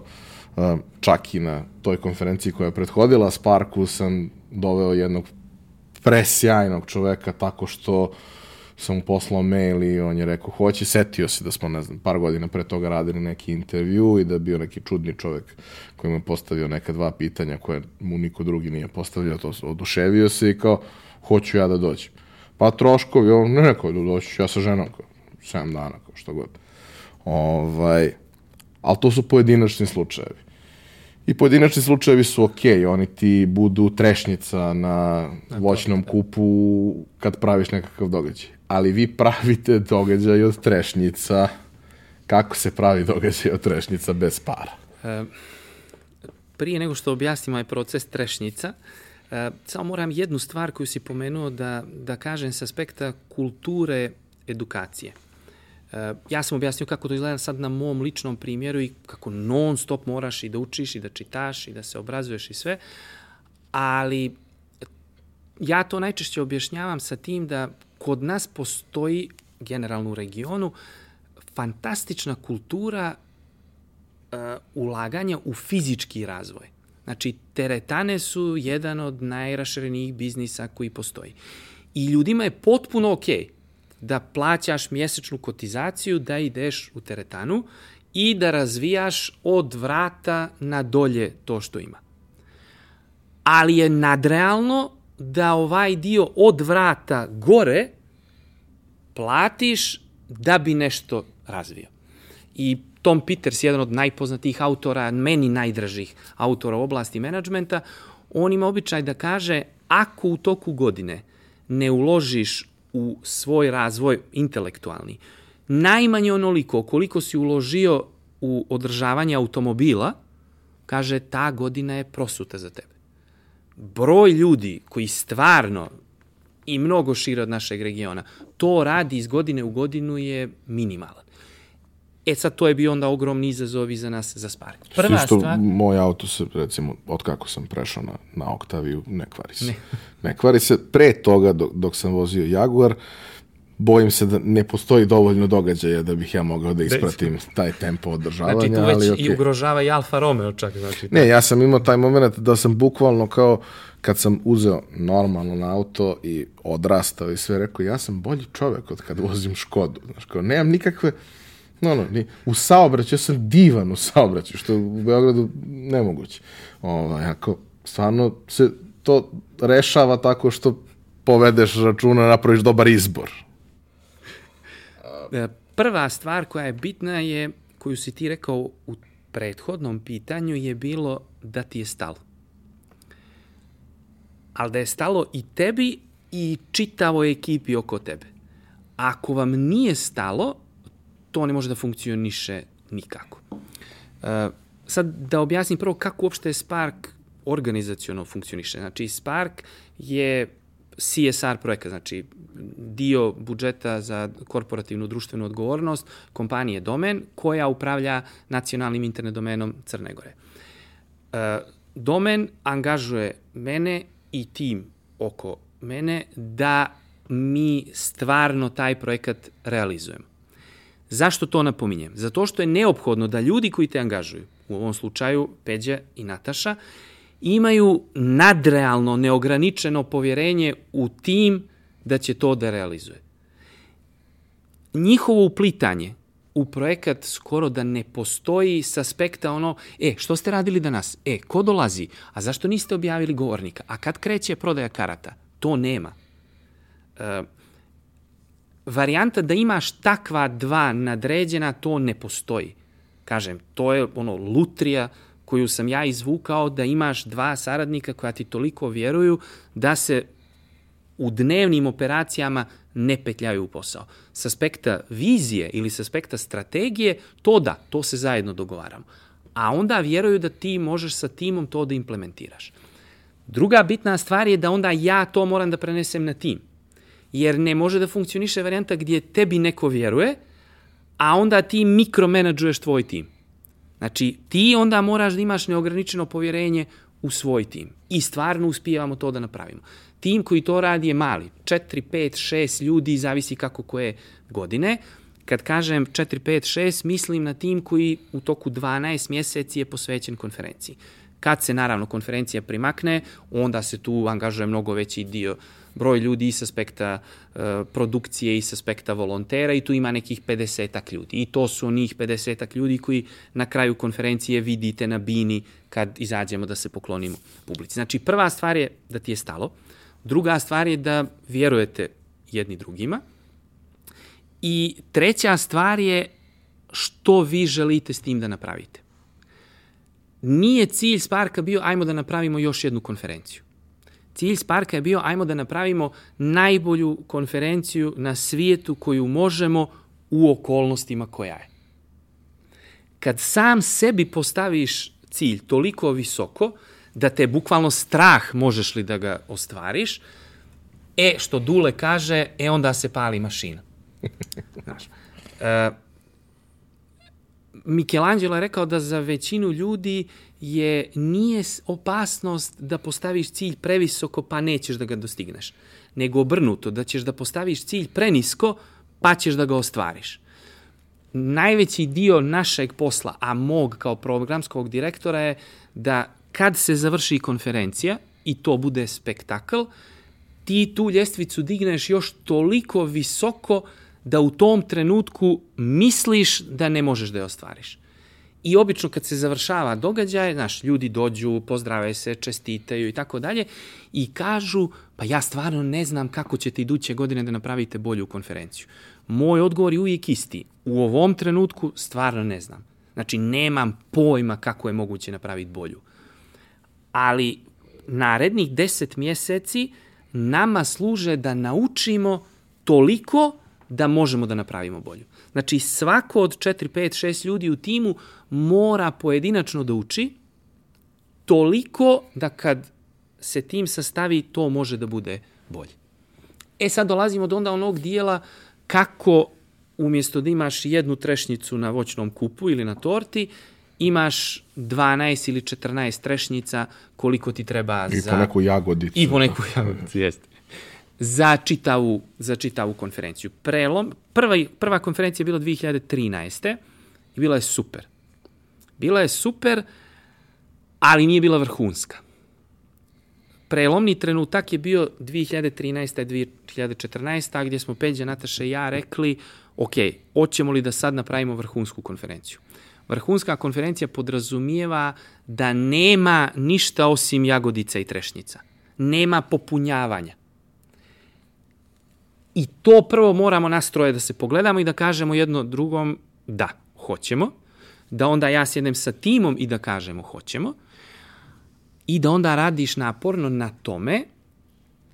A znaš kako to izgleda? Ti tri mjeseca prije konferencije, recimo, nemaš popunjen 14 govornika. Nemaš dva popunjen mjeseca, roster. Nemaš popunjen roster, jeste. Dva, ne, dva mjeseca nemaš popunjen roster mjesec pred konferenciju nemaš popunjen roster.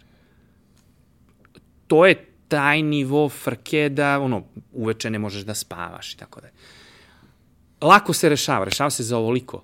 Znaš, pozovi bilo kojega predavača sa B, C, D liste i završio si sve.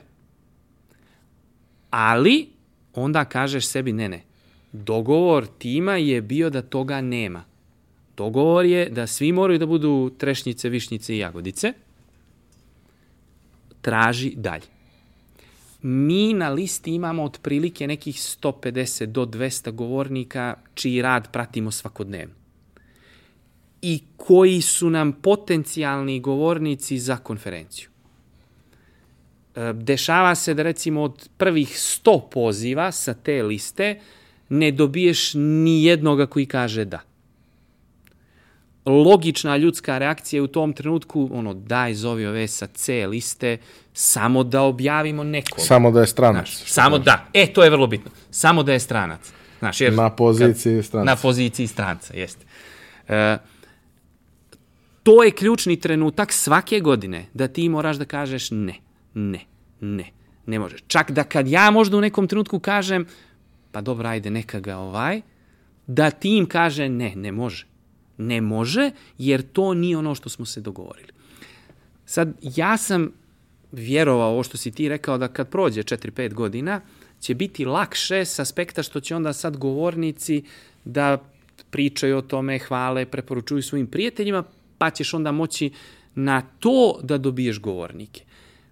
I to je tačno. Ali je s druge strane u realnosti teže, jer sad već ti, to više nije publika, to je sad već zajednica. Zajednici si nametnuo neke standarde. Oni sad od tebe očekuju još više i sad svako pozivanje predavača ispod, jer ako je ovo bio nivo, a ti napraviš iduće godine ovo, ljudi će da kažu, pa kao nije bilo loše. Iako je bilo bolje nego prošle godine, ali nema više tog wow efekta. To mora da bude tu da bi ljudi rekli bilo je sjajno.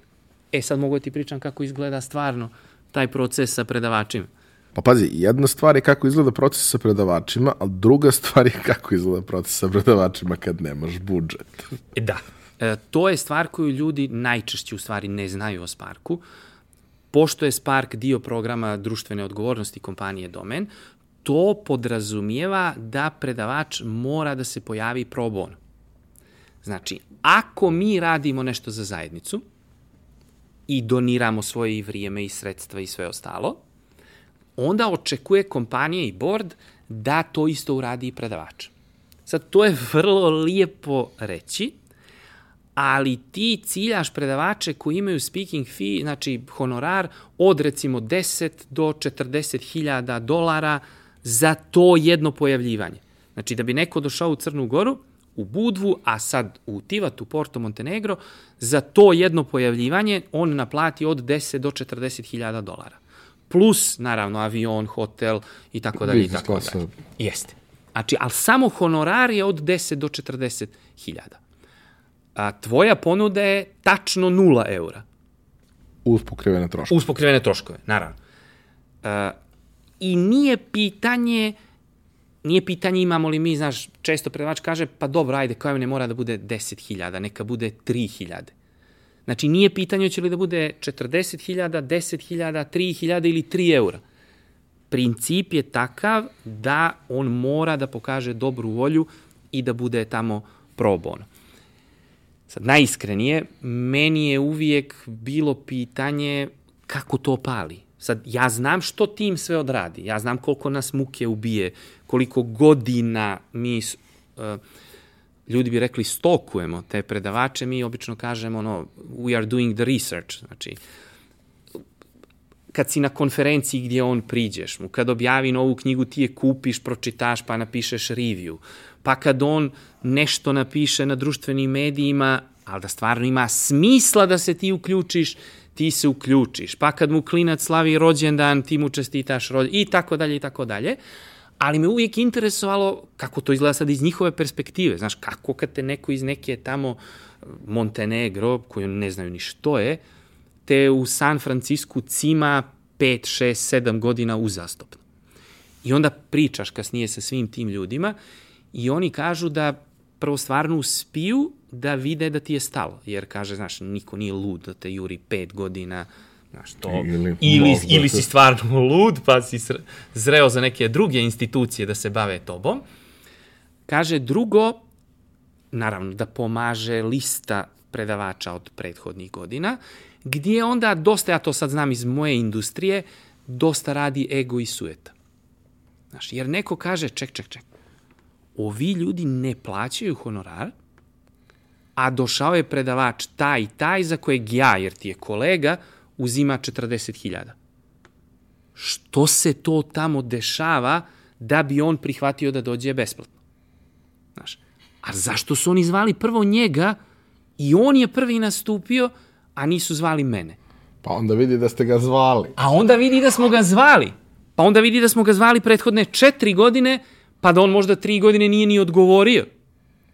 Pa onda kaže, u, vidiš, pa u stvari sam ja mogao da budem opening keynote, a kaže, oni su zvali ovoga. E, idemo ove godine. Sad, bitna stvar je da tu mora da ima i mnogo sreće. Znači, u sve ovo što ti uradiš domaći zadatak, mora da ima mnogo sreće, sa aspekta što sve dogovoriš sa, evo, konkretno govornicom iz Los Angelesa, znači sve je dogovoreno. I mjesec uoči konferencije ona kaže, e, ćao Vanja, kad možemo da se čujemo na Skype? To odmah znaš da nešto nije u redu. Čim je Skype... Jer, znači, muka je neka. Ajde, možemo odmah, kao, znaš, popodne, čujemo se i sve super ovako, znaš, kamera snima nju, sve super, fantastično, ono, opuštena, nasmijana, vesela, kako je u Crnoj Gori, kako ide, idu prijeve za konferenciju, kako idu spikeri, vidim imaju kolegije, neke moje, tako da sve super. I onda u jednom trenutku kaže, e, kao moram nešto da ti kažem, a ti si u stvari samo čekao to. I onda ovako spušta onu web kamericu i ti vidiš gips od kuka do dolje. Ja, što je to? Pa kaže, pala sam juče, slomila sam nogu i narednih par mjeseci nema ni aviona, ni leta, ni ničega. S druge strane imaš pozitivne slučajnosti, gdje recimo juriš Briana Solisa 3, 4, 5 godina, znaš, ono, bukvalno ga progoniš na South by Southwest, fotografišeš se s njim, znaš, čuda radiš i on ti otvoreno kaže, pazi, ja ne mogu da se odreknem 40.000 da iz San Franciska dođem u Crnu Goru. To ne funkcioniše. A kaže što mogu? Mogu da ako me neko dovede u Evropu za full fee, dan, dva, tri, prije ili posle Sparka, mogu da dođem kod vas. Ok. To podrazumijeva da onda ti moraš da pratiš njegov kalendar da vidiš što se dešava. I stvarno 2016. Brian se javlja, kaže predajem u Madridu tada i tada, oni plaćaju sve, vaše je samo da me iz Madrida dovedete u Podgoricu. I to je to. Izvinjam se, u, da, u Podgoricu je sletio, ali posle, znači, do, do, do, do Budve. I to je to. I dobiješ, znači, čovjeka koji uzima 40.000 za predavanje za 300-400 eura avionsku kartu. I, I to je to. A on u Crnoj Gori provede manje od 24 sata. Ja ga pitam, pa zašto ovo radiš? Ajde da ostavimo za iduću godinu, pa da provedeš 3, 4, 5, 6 dana, povedi ženu ili... Znači, daj da ti napravimo stvarno užitak, jer pokrivanje troškova je okej. Okay. Speaking fee nije. I on kaže, ne, ne, kaže, ja želim da dođem, ovo je prilika. Ali čoveče, od trenutka kad sletiš do trenutka kad poletiš sa svim, to je 21-2 sata. Kaže, nema veze, ja dolazim. I stvarno bude. Isticajem okolnosti, ja nisam bio na tom sparku, ali sam bio prisutan tako što mi on čestito rođendan Sabine, što Jeste, onako bilo dosta, tačno. dosta je bilo ovaj, Cool. cool, dosta bilo wow. Ovaj, A ima i druga fora. Kad si, kad ugovaramo prije dvije godine Rorija Sutherlanda, a prva osoba u univerzumu koja mene zove da pita kako je to moguće, pohvali i čestita si bio ti, a ja onda to kažem na samoj konferenciji, jer je to taj dio, pa to nije ni zajedno, to je bukvalno familija više. Znaš, e, postoje ljudi koji prepoznaju taj trud. Znaš, sad, od kad smo se preselili u Porto, sad smo već mogli umjesto 500 ljudi, recimo da imamo skoro 800 ljudi, što je značajno povećanje broja, broja učesnika, ali od tih, recimo, 500 ili 800 ljudi, 300 ljudi dolazi svake godine. Bukvalno svake godine i to su ljudi koji kupe karte prije nego što mi objavimo jednog jedinog govornika. I recimo, sjećam se Acu Todorovića, znaš i ti, kad sam ja pitao Acu, rekao, Aco, zašto si kupio kartu, nema ni jednog govornika objavljenog. I Aca meni kaže, ja u trenutku nisam shvatio što je rekao. Kasnije kad sam razmišljao, shvatam suštinu. On kaže, ja na Spark ne dolazim zbog govornika. Ja na Spark dolazim zbog vaše ekipe i zbog ljudi koji se tamo skupljaju. Ja u trenutku, pa kao, kako ne dolaziš zbog govornika, čovječe? mi se pa, toliko trudimo, ti, Da, ka, e, poenta nije bila, naravno, naravno da voli govornike i da su genijalni, ali je poenta pa bila ekipa dolazi zbog, zbog, ekipe. govornika. Znaš, on kaže ja dolazim zbog toga. I to stvarno vidiš po prodaji, po prodaji karata. Pri tome bitna stvar za prodaju karata je recimo da prve godine se karte nisu prodavale. Znači prve godine su karte bile besplatne, čak je i za studente bio organizovani autobuski prevoz, sve je bilo besplatno. Međutim, vidjeli smo da, a to su mi ljudi pričali od prvog dana, ali mi smo onako, naš, majke Tereze, eh, ljudi ne mogu da cijene nešto što je besplatno. I ne može da cijeni značaj te edukacije ako je besplatan. Kad se pri tome takmičiš da si u sali zagušljivoj, i sa Jadranskim morem koje je u kraju maja fantastično. Naravno da će more da pobijedi svaki put kad je to besplatno. I onda smo napravili varijantu da počnemo sa vrlo, vrlo, vrlo, vrlo niskim cijenama, znači early bird cijena je 70 eura, što ne pokriva ni troškove hrane, osvježenja, koktela za to vrijeme dok si dva i po dana u Budvi, odnosno sad u Porto Montenegru, ali te obavezuje da kad si tu, želiš da izvučeš najviše iz toga. I to se stvarno vidjelo.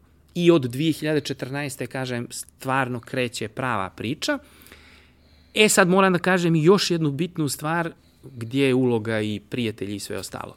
2014. znači nama treba ova transformacija iz odlične konferencije u vrhunsku konferenciju.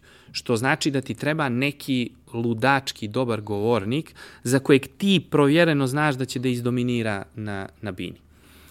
I ja u tom trenutku znam pouzdano da je taj govornik Al Fren, koji je moj super prijatelj još iz vremena dok sam bio na fakultetu, jer je on profesor bio tada u Švedskoj, posle u Finskoj i jedan od najboljih ljudi u oblasti menadžmenta da je s jedne strane akademik, a s druge strane govornik i profesionalni govornik i konsultant kojeg ja znam, znači nadrealan lik i pri tome lični prijatelj.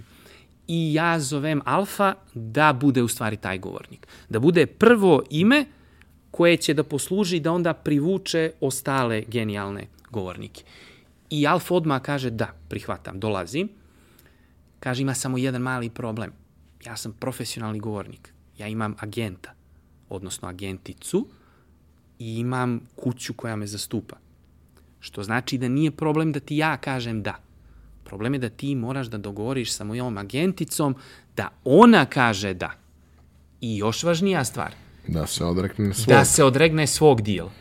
Znači, u krajnjem ona će da kaže, ok, ti si toliko lud da hoćeš da pođeš tamo bez para.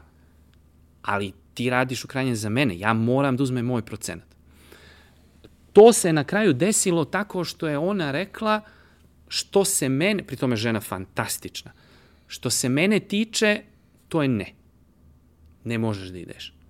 Alf kaže da je prvi put tada u životu rekao svojoj agentici, ok, ti si rekla ne, ali ja ipak kažem da. Znači, pošao je negdje preko njene riječi. Jer je vjerovao da u to što ja, tada i brat, jer zna i meni i Nikolu sa fakulteta, će da bude vrijedno njegovog dolaska. Došao je sa ženom i sa djetetom i napravio je kao neki mini vikend, da kažem, u, u, u Crnoj Gori bio je toliko presrećan da je agentica nakon toga zvala da kaže da je čula sve najljepše, da je ona oduševljena i ono malte ne da se izvini zbog njenog nastupa. Tako da kažem, u sve to što ti uradiš, nekad treba i pomalo ili malo više sreće. A nekad treba i neka prijateljska stvar. Znači da neko se založi da ti pomogne.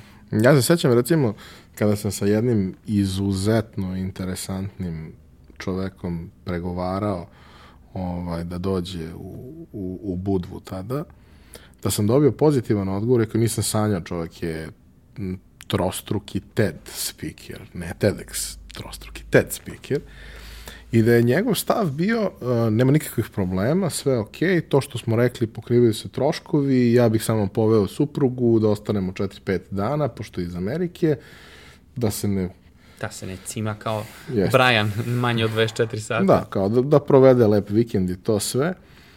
Ali imamo problem to što ja imam speakers biro sa kojim radim i to ćemo da rešimo tako što ćete vi mene sve da najavite i sve ok, samo nećete nigde da objavite snimak onoga što sam ja pričao. Jako, dobro. Kaži. Ne vidim što bi to bio problem, mislim. E, kao dobro, onda smo krenuli neku priču, desilo se na kraju da on nije mogao da dođe te, te godine, mi smo nešto malo zakasnili sa nekim odgovorima, nije ni važno, ali kao čovek koji je izmislio trend koji prethodnih deset godina je obeležio internet i bio spreman da dođe bez ikakvog honorara, bez ičega, zato što je način na da. kojemu se neko obratio i trenutak bio pravi.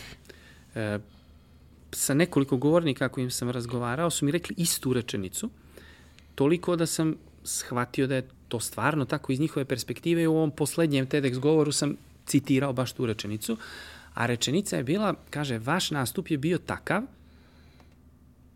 da ono, ili nemate blage veze što radite, kako radite, sad živite u nekim oblacima, kaže, ili ste potpuno ludi da stvarno to radite.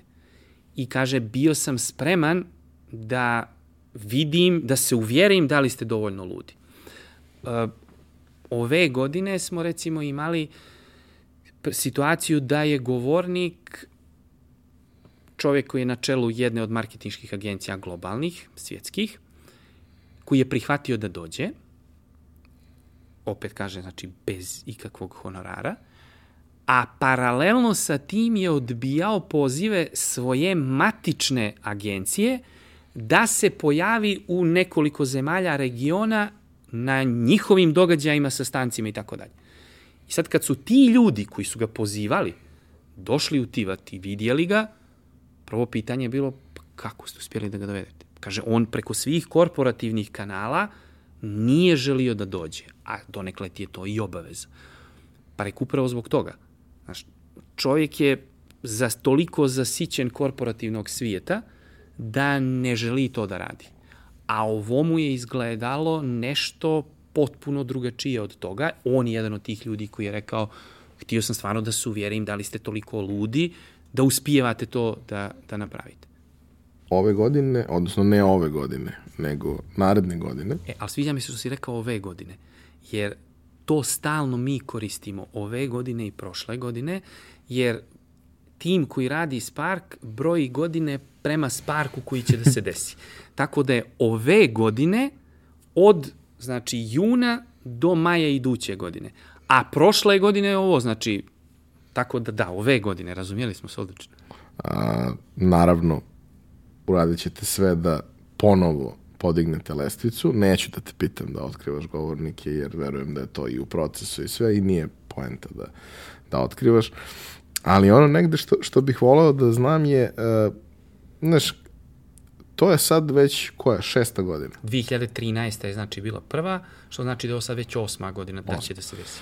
A, znači, kroz cijelo to ste negde svi vi, a tim se faktički taj core tim se vrlo malo menjao, pridodavani su neki ljudi, ali u suštini nije se menjao. Vi ste faktički odrasli sa ovim. A, radite nešto što je neverovatno u okolnostima u, u, u kojima se dešava. Sad, znaš, kao, imali ste čoveka koji je Mike Massimino koji je ono astronaut koji je bio u, između ostalog i u ovom kako se zove Big Bang Theory, Big Bang Theory yes. i koji je ono celebrity pored činjenice yes. da je bio gore i da. tweetovo iz svemira i postavio rekord u dužini spacewalka koji je bio vremenu provedenom, e, čovjek, poslednji čovjek koji je popravljao Hubble teleskop i tako dalje. Mm, kao. Ali bilo je tu i nekih ljudi koji su iz visoko komercijalnih priča, koji, koje prosto ne možeš da zamisliš ipak tu. Koliko, uh, koliko je tu bitno, pominjao si to, ali, znaš, i to nekako moramo da uvrstimo u nekakvu investiciju koja se pravi. Koliko je bitno da ti zapravo ideš po svetu i trudiš se da budeš i, i fizički u nekakvoj vrsti kontakta sa tim ljudima. I da upoznaješ nove ljude i da praviš nekakvu, da kažem, listu, da ta lista krene sa 50 pa dođe na 300 imena. Ovaj, ali kao, kako te stvari organizovati, jer to je uglavnom prilično skupa za animacije. Kako te stvari organizovati da to bude prihvatljivo?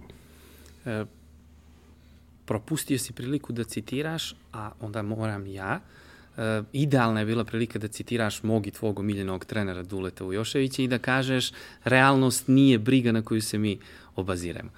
E, suština priče je sledeća. Mor, nije samo da ja moram da budem u toku sa svim što se dešava, nego čitav tim mora da bude u toku sa svim. E, ne dolaze svi ili većina predloga od mene. Dolaze od čitavog tima, a dolaze onda od ovog šire zajednice, odnosno kako smo rekli Spark mi porodice, gdje sad već ljudi, znaš, ti ne možeš da zamisliš da će Mike Massimino da bude na sceni. I onda ni ne pokušavaš da nekog govornika tog kalibra uopšte nama predložiš. Ali kad ga vidiš, onda kažeš, ček, ček, pa ovi su ludi. I onda kreću i predlozi od strane učesnika konferencije koje mi stvarno uzimamo za ozbiljno. I ovih 150 recimo ljudi na listi nisu 150 ljudi koje je Vanja nas pravio ili 150 ljudi koje je tim napravio, nego 150 ljudi koje je Spark mi zajednica osmislila i poželjela da budu na toj bini. Sad, ima legendarni film koji ti obožavaš i pisao si neki blog post o tome Glengar i Glenn Ross, gdje ima ono ABC of selling, always be closing. E, u varijanti programskog direktora isto ima ABC, ali ABC je always be curating. Da u svakom trenutku, bez obzira da li čitaš blog post, da li slušaš podcast, da li čitaš knjigu, da li ti govoriš na konferenciji, da li slušaš nekoga na konferenciji, da li si upoznao nekoga slučajno u potpuno drugoj varijanti, razmišljaš kako bi on mogao da postane dio Spark Me porodice. Bilo kao govornik, bilo kao veza do nekog potencijalnog govornika. Uh, u idealnoj varijanti uh, mi bi živjeli u Americi i imali dovoljno veliki budžet da sve te ljude uživo vidimo, upoznamo i dogovorimo. Pošto živimo mnogo daleko od Amerike, a pošto budžet nije ni primaći tome, najveći broj, pa sigurno 90% ljudi, nikad u životu fizički nismo upoznali. Ima nekih koje jesmo, kažem recimo Alfren, uh, Brian Solis kojega fizički juriš 4-5 godina da bi ga doveo, ali 90% govornika fizički niko od nas iz tima nikad nije upoznao prije toga. Što, zahvaljujući internetu, ne znači da ako ga fizički nisi upoznao, ga nisi stvarno upoznao. Sa nekim od ti, evo, mogu sad, znači, otvoreno kažem, to nije tajna, govornik kojeg jurimo od prvog Sparka, od 2013. godine je Mitch Joel, uh, Six Pixels of Separation. Uh, ni dan danas, evo, nismo uspjeli da ga ulovimo, ali smo u redovnom kontaktu. Znači, čujemo se što, kako i tako dalje. I on je vrlo spreman i raspoložen da dođe. Jednostavno, nekad zbog posla ne može, u nekom trenutku se žena porodi pa se to poklopi sa Sparkom, u nekom trenutku on prodaje agenciju pa onda po, ulazi u WPP pa mora da ostane u WPP, pa onda iduće godine proda agenciju u smislu da on izađe, svoj dio proda, pa onda on ne zna što je i tako dalje. Znači, moraš da održavaš kontakt sa nekim, da mu pokažeš da ti je stalo ako ti stvarno tebi znači i vama znači i zajednici znači da on bude tu. Ima tu sad i dosta humorističnih priča u smislu da recimo govornik dođe i ja ga kažem dobro, ajde mi sad kaži, recimo Max McEwen, prije dvije godine, ja mu kažem, ok, jurim te četiri godine. I to te jurim na preporuku jednog od tvojih najboljih drugova, kojem ti lično vjeruješ. Zašto nisi došao prve četiri, a došao si ove? I on meni kaže, znaš kako, sad je završena konferencija, mogu iskreno da ti kažem. Pa rekao, ajde. Kaže, ne bih ja došao ni ove godine. Kaže, varijanta da ja dođem iz Londona kao best-selling Financial Times author za 3-4 knjige i fijem nadrealnim kad radim poslovnu edukaciju za Fortune 500 companies, ne postoji. Kaže, to je nemoguće. Pa rekao, ali došao si, zašto? Kaže, znaš kako? E, to veče žena sjedi i gleda TV, ja odgovaram na tvoj mail i prelazim u dnevnu sobu i kažem, pa ovo je nevjerovatno. Žena kaže, što? Pa kaže, imam nekog lika tamo iz neke Crne Gore koji me evo zadnje četiri godine smara da dođem bez dinara. A žena kaže, ček, ček, odakle si rekao da je? Pa kaže, from Montenegro. Ajde, kaže, ti pitaj, može li on da dovede i mene sa tobom? I on kaže, zašto ženo? Kao, pa neću ja da idem, ne mogu da odvojim vrijeme od posla zbog toga. Kaže, idemo mi na odmor tamo. Kaže, što ćemo tamo na odmore? Ne, nikad u životu nisam ni čuo za to. Kaže, ja sam gledala na britanskoj televiziji prilog o Crnoj Gori, oduševila sam se i hoću da idem tamo na ljetovanje. I on kaže, ali ženo, e, to je ta varijanta kad moraš da poslušaš ženu, logično. I on se javi i kaže, ok, jedini moj uslov je da može da dođe supruga sa mnom i da to ne bude ono, jedan dan, nego da bude 4, 5, 6 dana stvarno odmor. Ali je varijanta bila ta. Kod druge, recimo, govornice je presudila mama. Ona je rekla mami da će da ide, a mama je rekla, vidiš, to je država u koju ja nisam nikad bila, bilo bi super da pođe mo. Tako da često osoba koja donosi odluku o tome da će da bude speaker nije govornik sam, nego mama, djevojka, djeca i tako dalje. Nažalost, suprotna stvar se isto često dešava, da zbog istih ovih osoba ne mogu da dođu. Recimo, nama se Spark najčešće poklapa sa Memorial Day weekendom u Americi, što znači da jedan broj ljudi ne želi da dođe, nego želi da taj vikend provede sa porodicom. I imamo recimo Anne Handley, koja je ono, još uvijek neostvarena želja ekipe, koja već sad poslednje tri godine zbog Memorial Day weekenda ne može da dođe. A i te kako ima veliku želju i čak njena prva saradnica, Kerry O'Shea Gorgon, koja vodi podcast za Marketing Profs, dolazi poslednje dvije godine i kaže da, Anne bi i tekako voljela da dođe, ali zbog porodice ne može. S druge strane, recimo, često se poklopi sa Bank Holiday u, u Britaniji, što je opet dvostrano. E, neki govornici jedva dočekaju, jer onda povedu djecu sa sobom, jer su djeca slobodno u školi, imaju raspust, a neki kažu obrnuto, ne, ne, pošto je raspust, ja ne želim da gubim vrijeme na konferenciji, hoću da budem sa djecom. I mi kažemo, ok, ali dovedite onda djecu, pa neka bude porodični odmor u Crnoj Gori. Ja kaže, bilo bi super, ali mi smo uplatili neku Španiju ili neku Grčku tipa prije 8 mjeseci ili tako dalje. Onda odmah kažeš, ok, daj da vidimo kad je bank holiday iduće godine, pa da sad odmah ugovorimo za iduću godinu da, da dođeš. To su neke sjajne priče o nekim sjajnim ljudima koje ste vi tamo okupili. A e, koja je publika? To je najbolja priča u stvari od svega. Znaš, e, s jedne strane mi smo željeli da zadržimo Spark da bude mala konferencija. Mala u smislu da je ispod hiljadu učesnika. Znači, ne želimo da se takmičimo sa bilo kojom većom konferencijom, a kamoli da to bude varijanta South by Southwest ili Web Summit ili tako nešto. Zašto? Zbog toga što s jedne strane željeli smo da govornicima damo nešto što ne može da dobije tamo. A to nešto je lični kontakt sa organizatorima i sa publikom. To znači da kad govornik kaže da, imam veliku želju da dođem na Spark, obezbijedit ćete mi VIP zonu, ulaz iz backstage-a i auto koje će da me dovede i odvede sa konferencije. Naš odgovor je uvijek ne.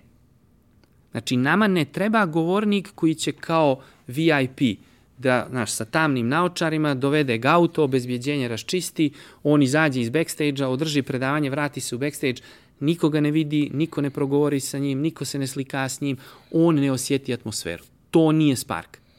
Znači, u krajnje možemo tako da pustimo neki govor sa YouTube-a i to je to. Znači, to nije ono što mi nudimo govornicima, ali mnogo važnije, to nije ono što mi nudimo publici.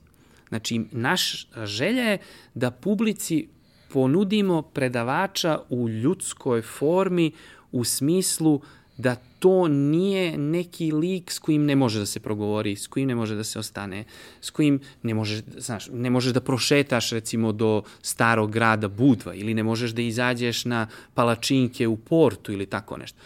I onda dobijaš varijantu, recimo, sjećam se prije, prošle, prošle godine kad je bio Mike Massimino, baš kosmonaut kojeg si pomenuo, u, nakon što je završio govor, ljudi su prišli kod onog midija vola da se slikaju s njim.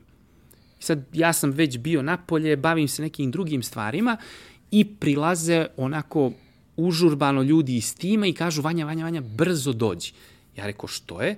Pa kaže, rastrgnuše majka. Ja se okrećem i stvarno u tom trenutku majke ispred midija vola i minimum 50 ljudi oko njega, ne može čovjek da diše. I ja uspijem da se probijem, prilazim njemu i kaže, Mike, fot fotografiši se i možemo odmah da idemo. A onako zbunjen kaže, zašto da idemo? Pa rekao, vidim da ti život uzeše i kao da se evakuišeš. A on kaže, a ne, ne, kao, ovo je moj posao. Nije moj posao 60 minuta na bini, moj posao je nakon toga da s ljudima pružim ruku, popričam, fotografišem se, promovišem misiju, nase i tako dalje. To je moja uloga, ja kažem, ok, to je i moj cilj, želja, ali mislio sam da je ovo previše, on kaže, ne, ne, ovo je idealno. Uh, publik, znaš, kad dobiješ pitanje od, pub, od predavača ko vam je publika, on sad očekuje da mu navedeš neku demografiju. Znaš, to je uh, menadžer na recimo srednjem nivou, starosti od 40 do 50 godina, zarađuje toliko i toliko, interesovanja su mu ta i ta. E, mi smo od prvog dana rekli ne pravimo takvu konferenciju. Spark je konferencija gdje imaš izvršnog direktora kompanije, ali i konferencija gdje imaš studenta. E, publika su ljudi koji se lože na novo. Ljudi koji se lože na to da promijene status quo. Znači, ljudi koji su nezadovoljni stanjem u kojem se nalaze pojedinačno, kompanija, zajednica, region, država i koji žele da čuju nove ideje koji im to mogu da promijene. Najčešće vezivno tkivo bude tehnologija, ali neko dođe iz zdravstva, neko dođe iz biznisa, neko dođe iz NVO sektora, neko dođe iz međunarodne organizacije, ali svima je stalo do neke promjene na bolje. I obično ljudi kažu to su dva dana u godini kad se mi svi osjećamo da smo isti. I stvarno imaš no, klinac sa faksa, priča sa izvršnim direktorom jedne od najvećih kompanija u regionu. Ili klinac koji je freelancer u digitalnom marketingu, priča sa šeficom najveće marketinške agencije, recimo, u, u Evropi. I osjećaju se da su na ravnopravnom nivou zbog te ljubavi zbog koje su tu. Ne znam šta da ti kažem, Vulić. Mislim, mnogo je tu neke ljubavi, mnogo je tu nekih dobrih stvari, mnogo je tu uh, nekih zanimljivih priča. Uh, mislim da bismo ovde trebali da uh, završimo ovu epizodu, a mi u suštini uopšte nismo pričali skoro ništa konkretno o onome o čemu se ti baviš. Mi smo opisali šta je to čime se ti baviš, ali nismo pričali o stručnom delu. Verujem da će biti prilike i pravo da ti kažem jedva čekam da, da to uradimo. Ja predlažem da sledeću epizodu našu snimimo 30, 30. i 31. maja iduće godine u Tivtu na Sparku. Znaš šta, možda ja ovaj put zapravo i dođem na Spark, A pići neki bolji govornik od mene tamo, pa onda možeš i njih da snimaš. A, nisam siguran da ćemo da, da pomeramo setup i da hoću da te trenutke iskoristim za nešto tako. Ali, dobro, pričat ćemo još o tome. A, hvala ti na svemu. A, mi imamo to, ovaj, taj običaj u, u prethodnih ovaj, desetak epizoda da delimo knjigu. A, kada sam te pitao koju da podelim od onih koji su ostale kao izbor, ti si rekao ovu poslednju, najnovije prevedenu ovaj, knjigu Gary Vija, jer ti me hoćeš nešto da mi kažeš. Pa na pitanje, znači prvi dio priče je bio od ovih knjiga, ja sam rekao ono, daj, nemoj te, molim te, to je više neki ono motivacioni govornici, to nije to što radimo. A onda na pitanje koje od ovih Gerijevih knjiga, ja sam rekao, pa logično ovu poslednju, zbog toga što ako već pričamo o potrebi da se prilagođavaš, da si u toku, da ažuriraš i znanje, interesovanje i sve, onda logično da nećemo da neku njegovu prethodnu poklonimo. Tako da je to, s te strane, e, ne mislim da je sve ono što je najnovije je najbolje, već postoje i neki klasici koje osoba koja se bavi recimo našim poslom mora da pročita. Ja svakome i dan danas recimo preporučujem da, da pročita u potrazi za vrhunskim od Toma Petersa, iako je knjigi iz 80. godina, iako neke kompanije sa te liste su propale, ne postoje više, ali to je klasik, to su principi za univerzalni biznis. A, naši dragi slušalci i gledalci, ako želite da uđete u konkurenciju da dobijete jedan od tri primjerka knjige Razbijaj uh, Gary Vee, Uh, napišite komentar na YouTube-u ispod ovaj, ove epizode i uh, pred objavljivanje naredni ćemo izvući tri srećna dobitnika i kontaktirati vas da ovaj, nam pošaljete svoje kontakt podatke da možemo i da vam dostavimo knjigu. A tebi, Vuliću, svaka čast. Bilo je zadovoljstvo, iako navijaš za pogrešan klub.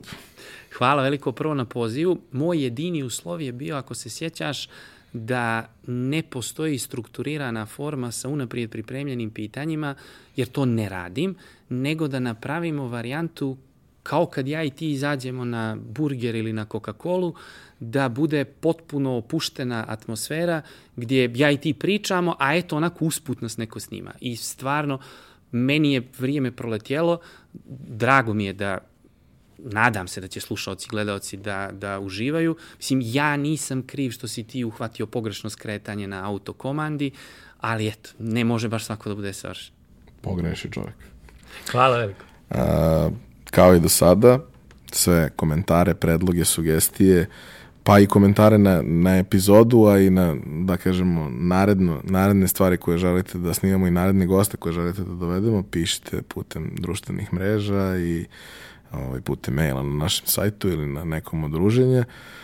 Vidite da dovodimo neke sjajne, čudne, jako čudne ljude koji rade jako čudne stvari, koje vam onda kad, kad ispričate se sa njima i saslušate zapravo kako tih dvadesetak godina koji su doveli do ovoga izgleda, učine vam se da te neke jako velike stvari koje su nemoguće, zapravo su moguće, samo ima mnogo koraka.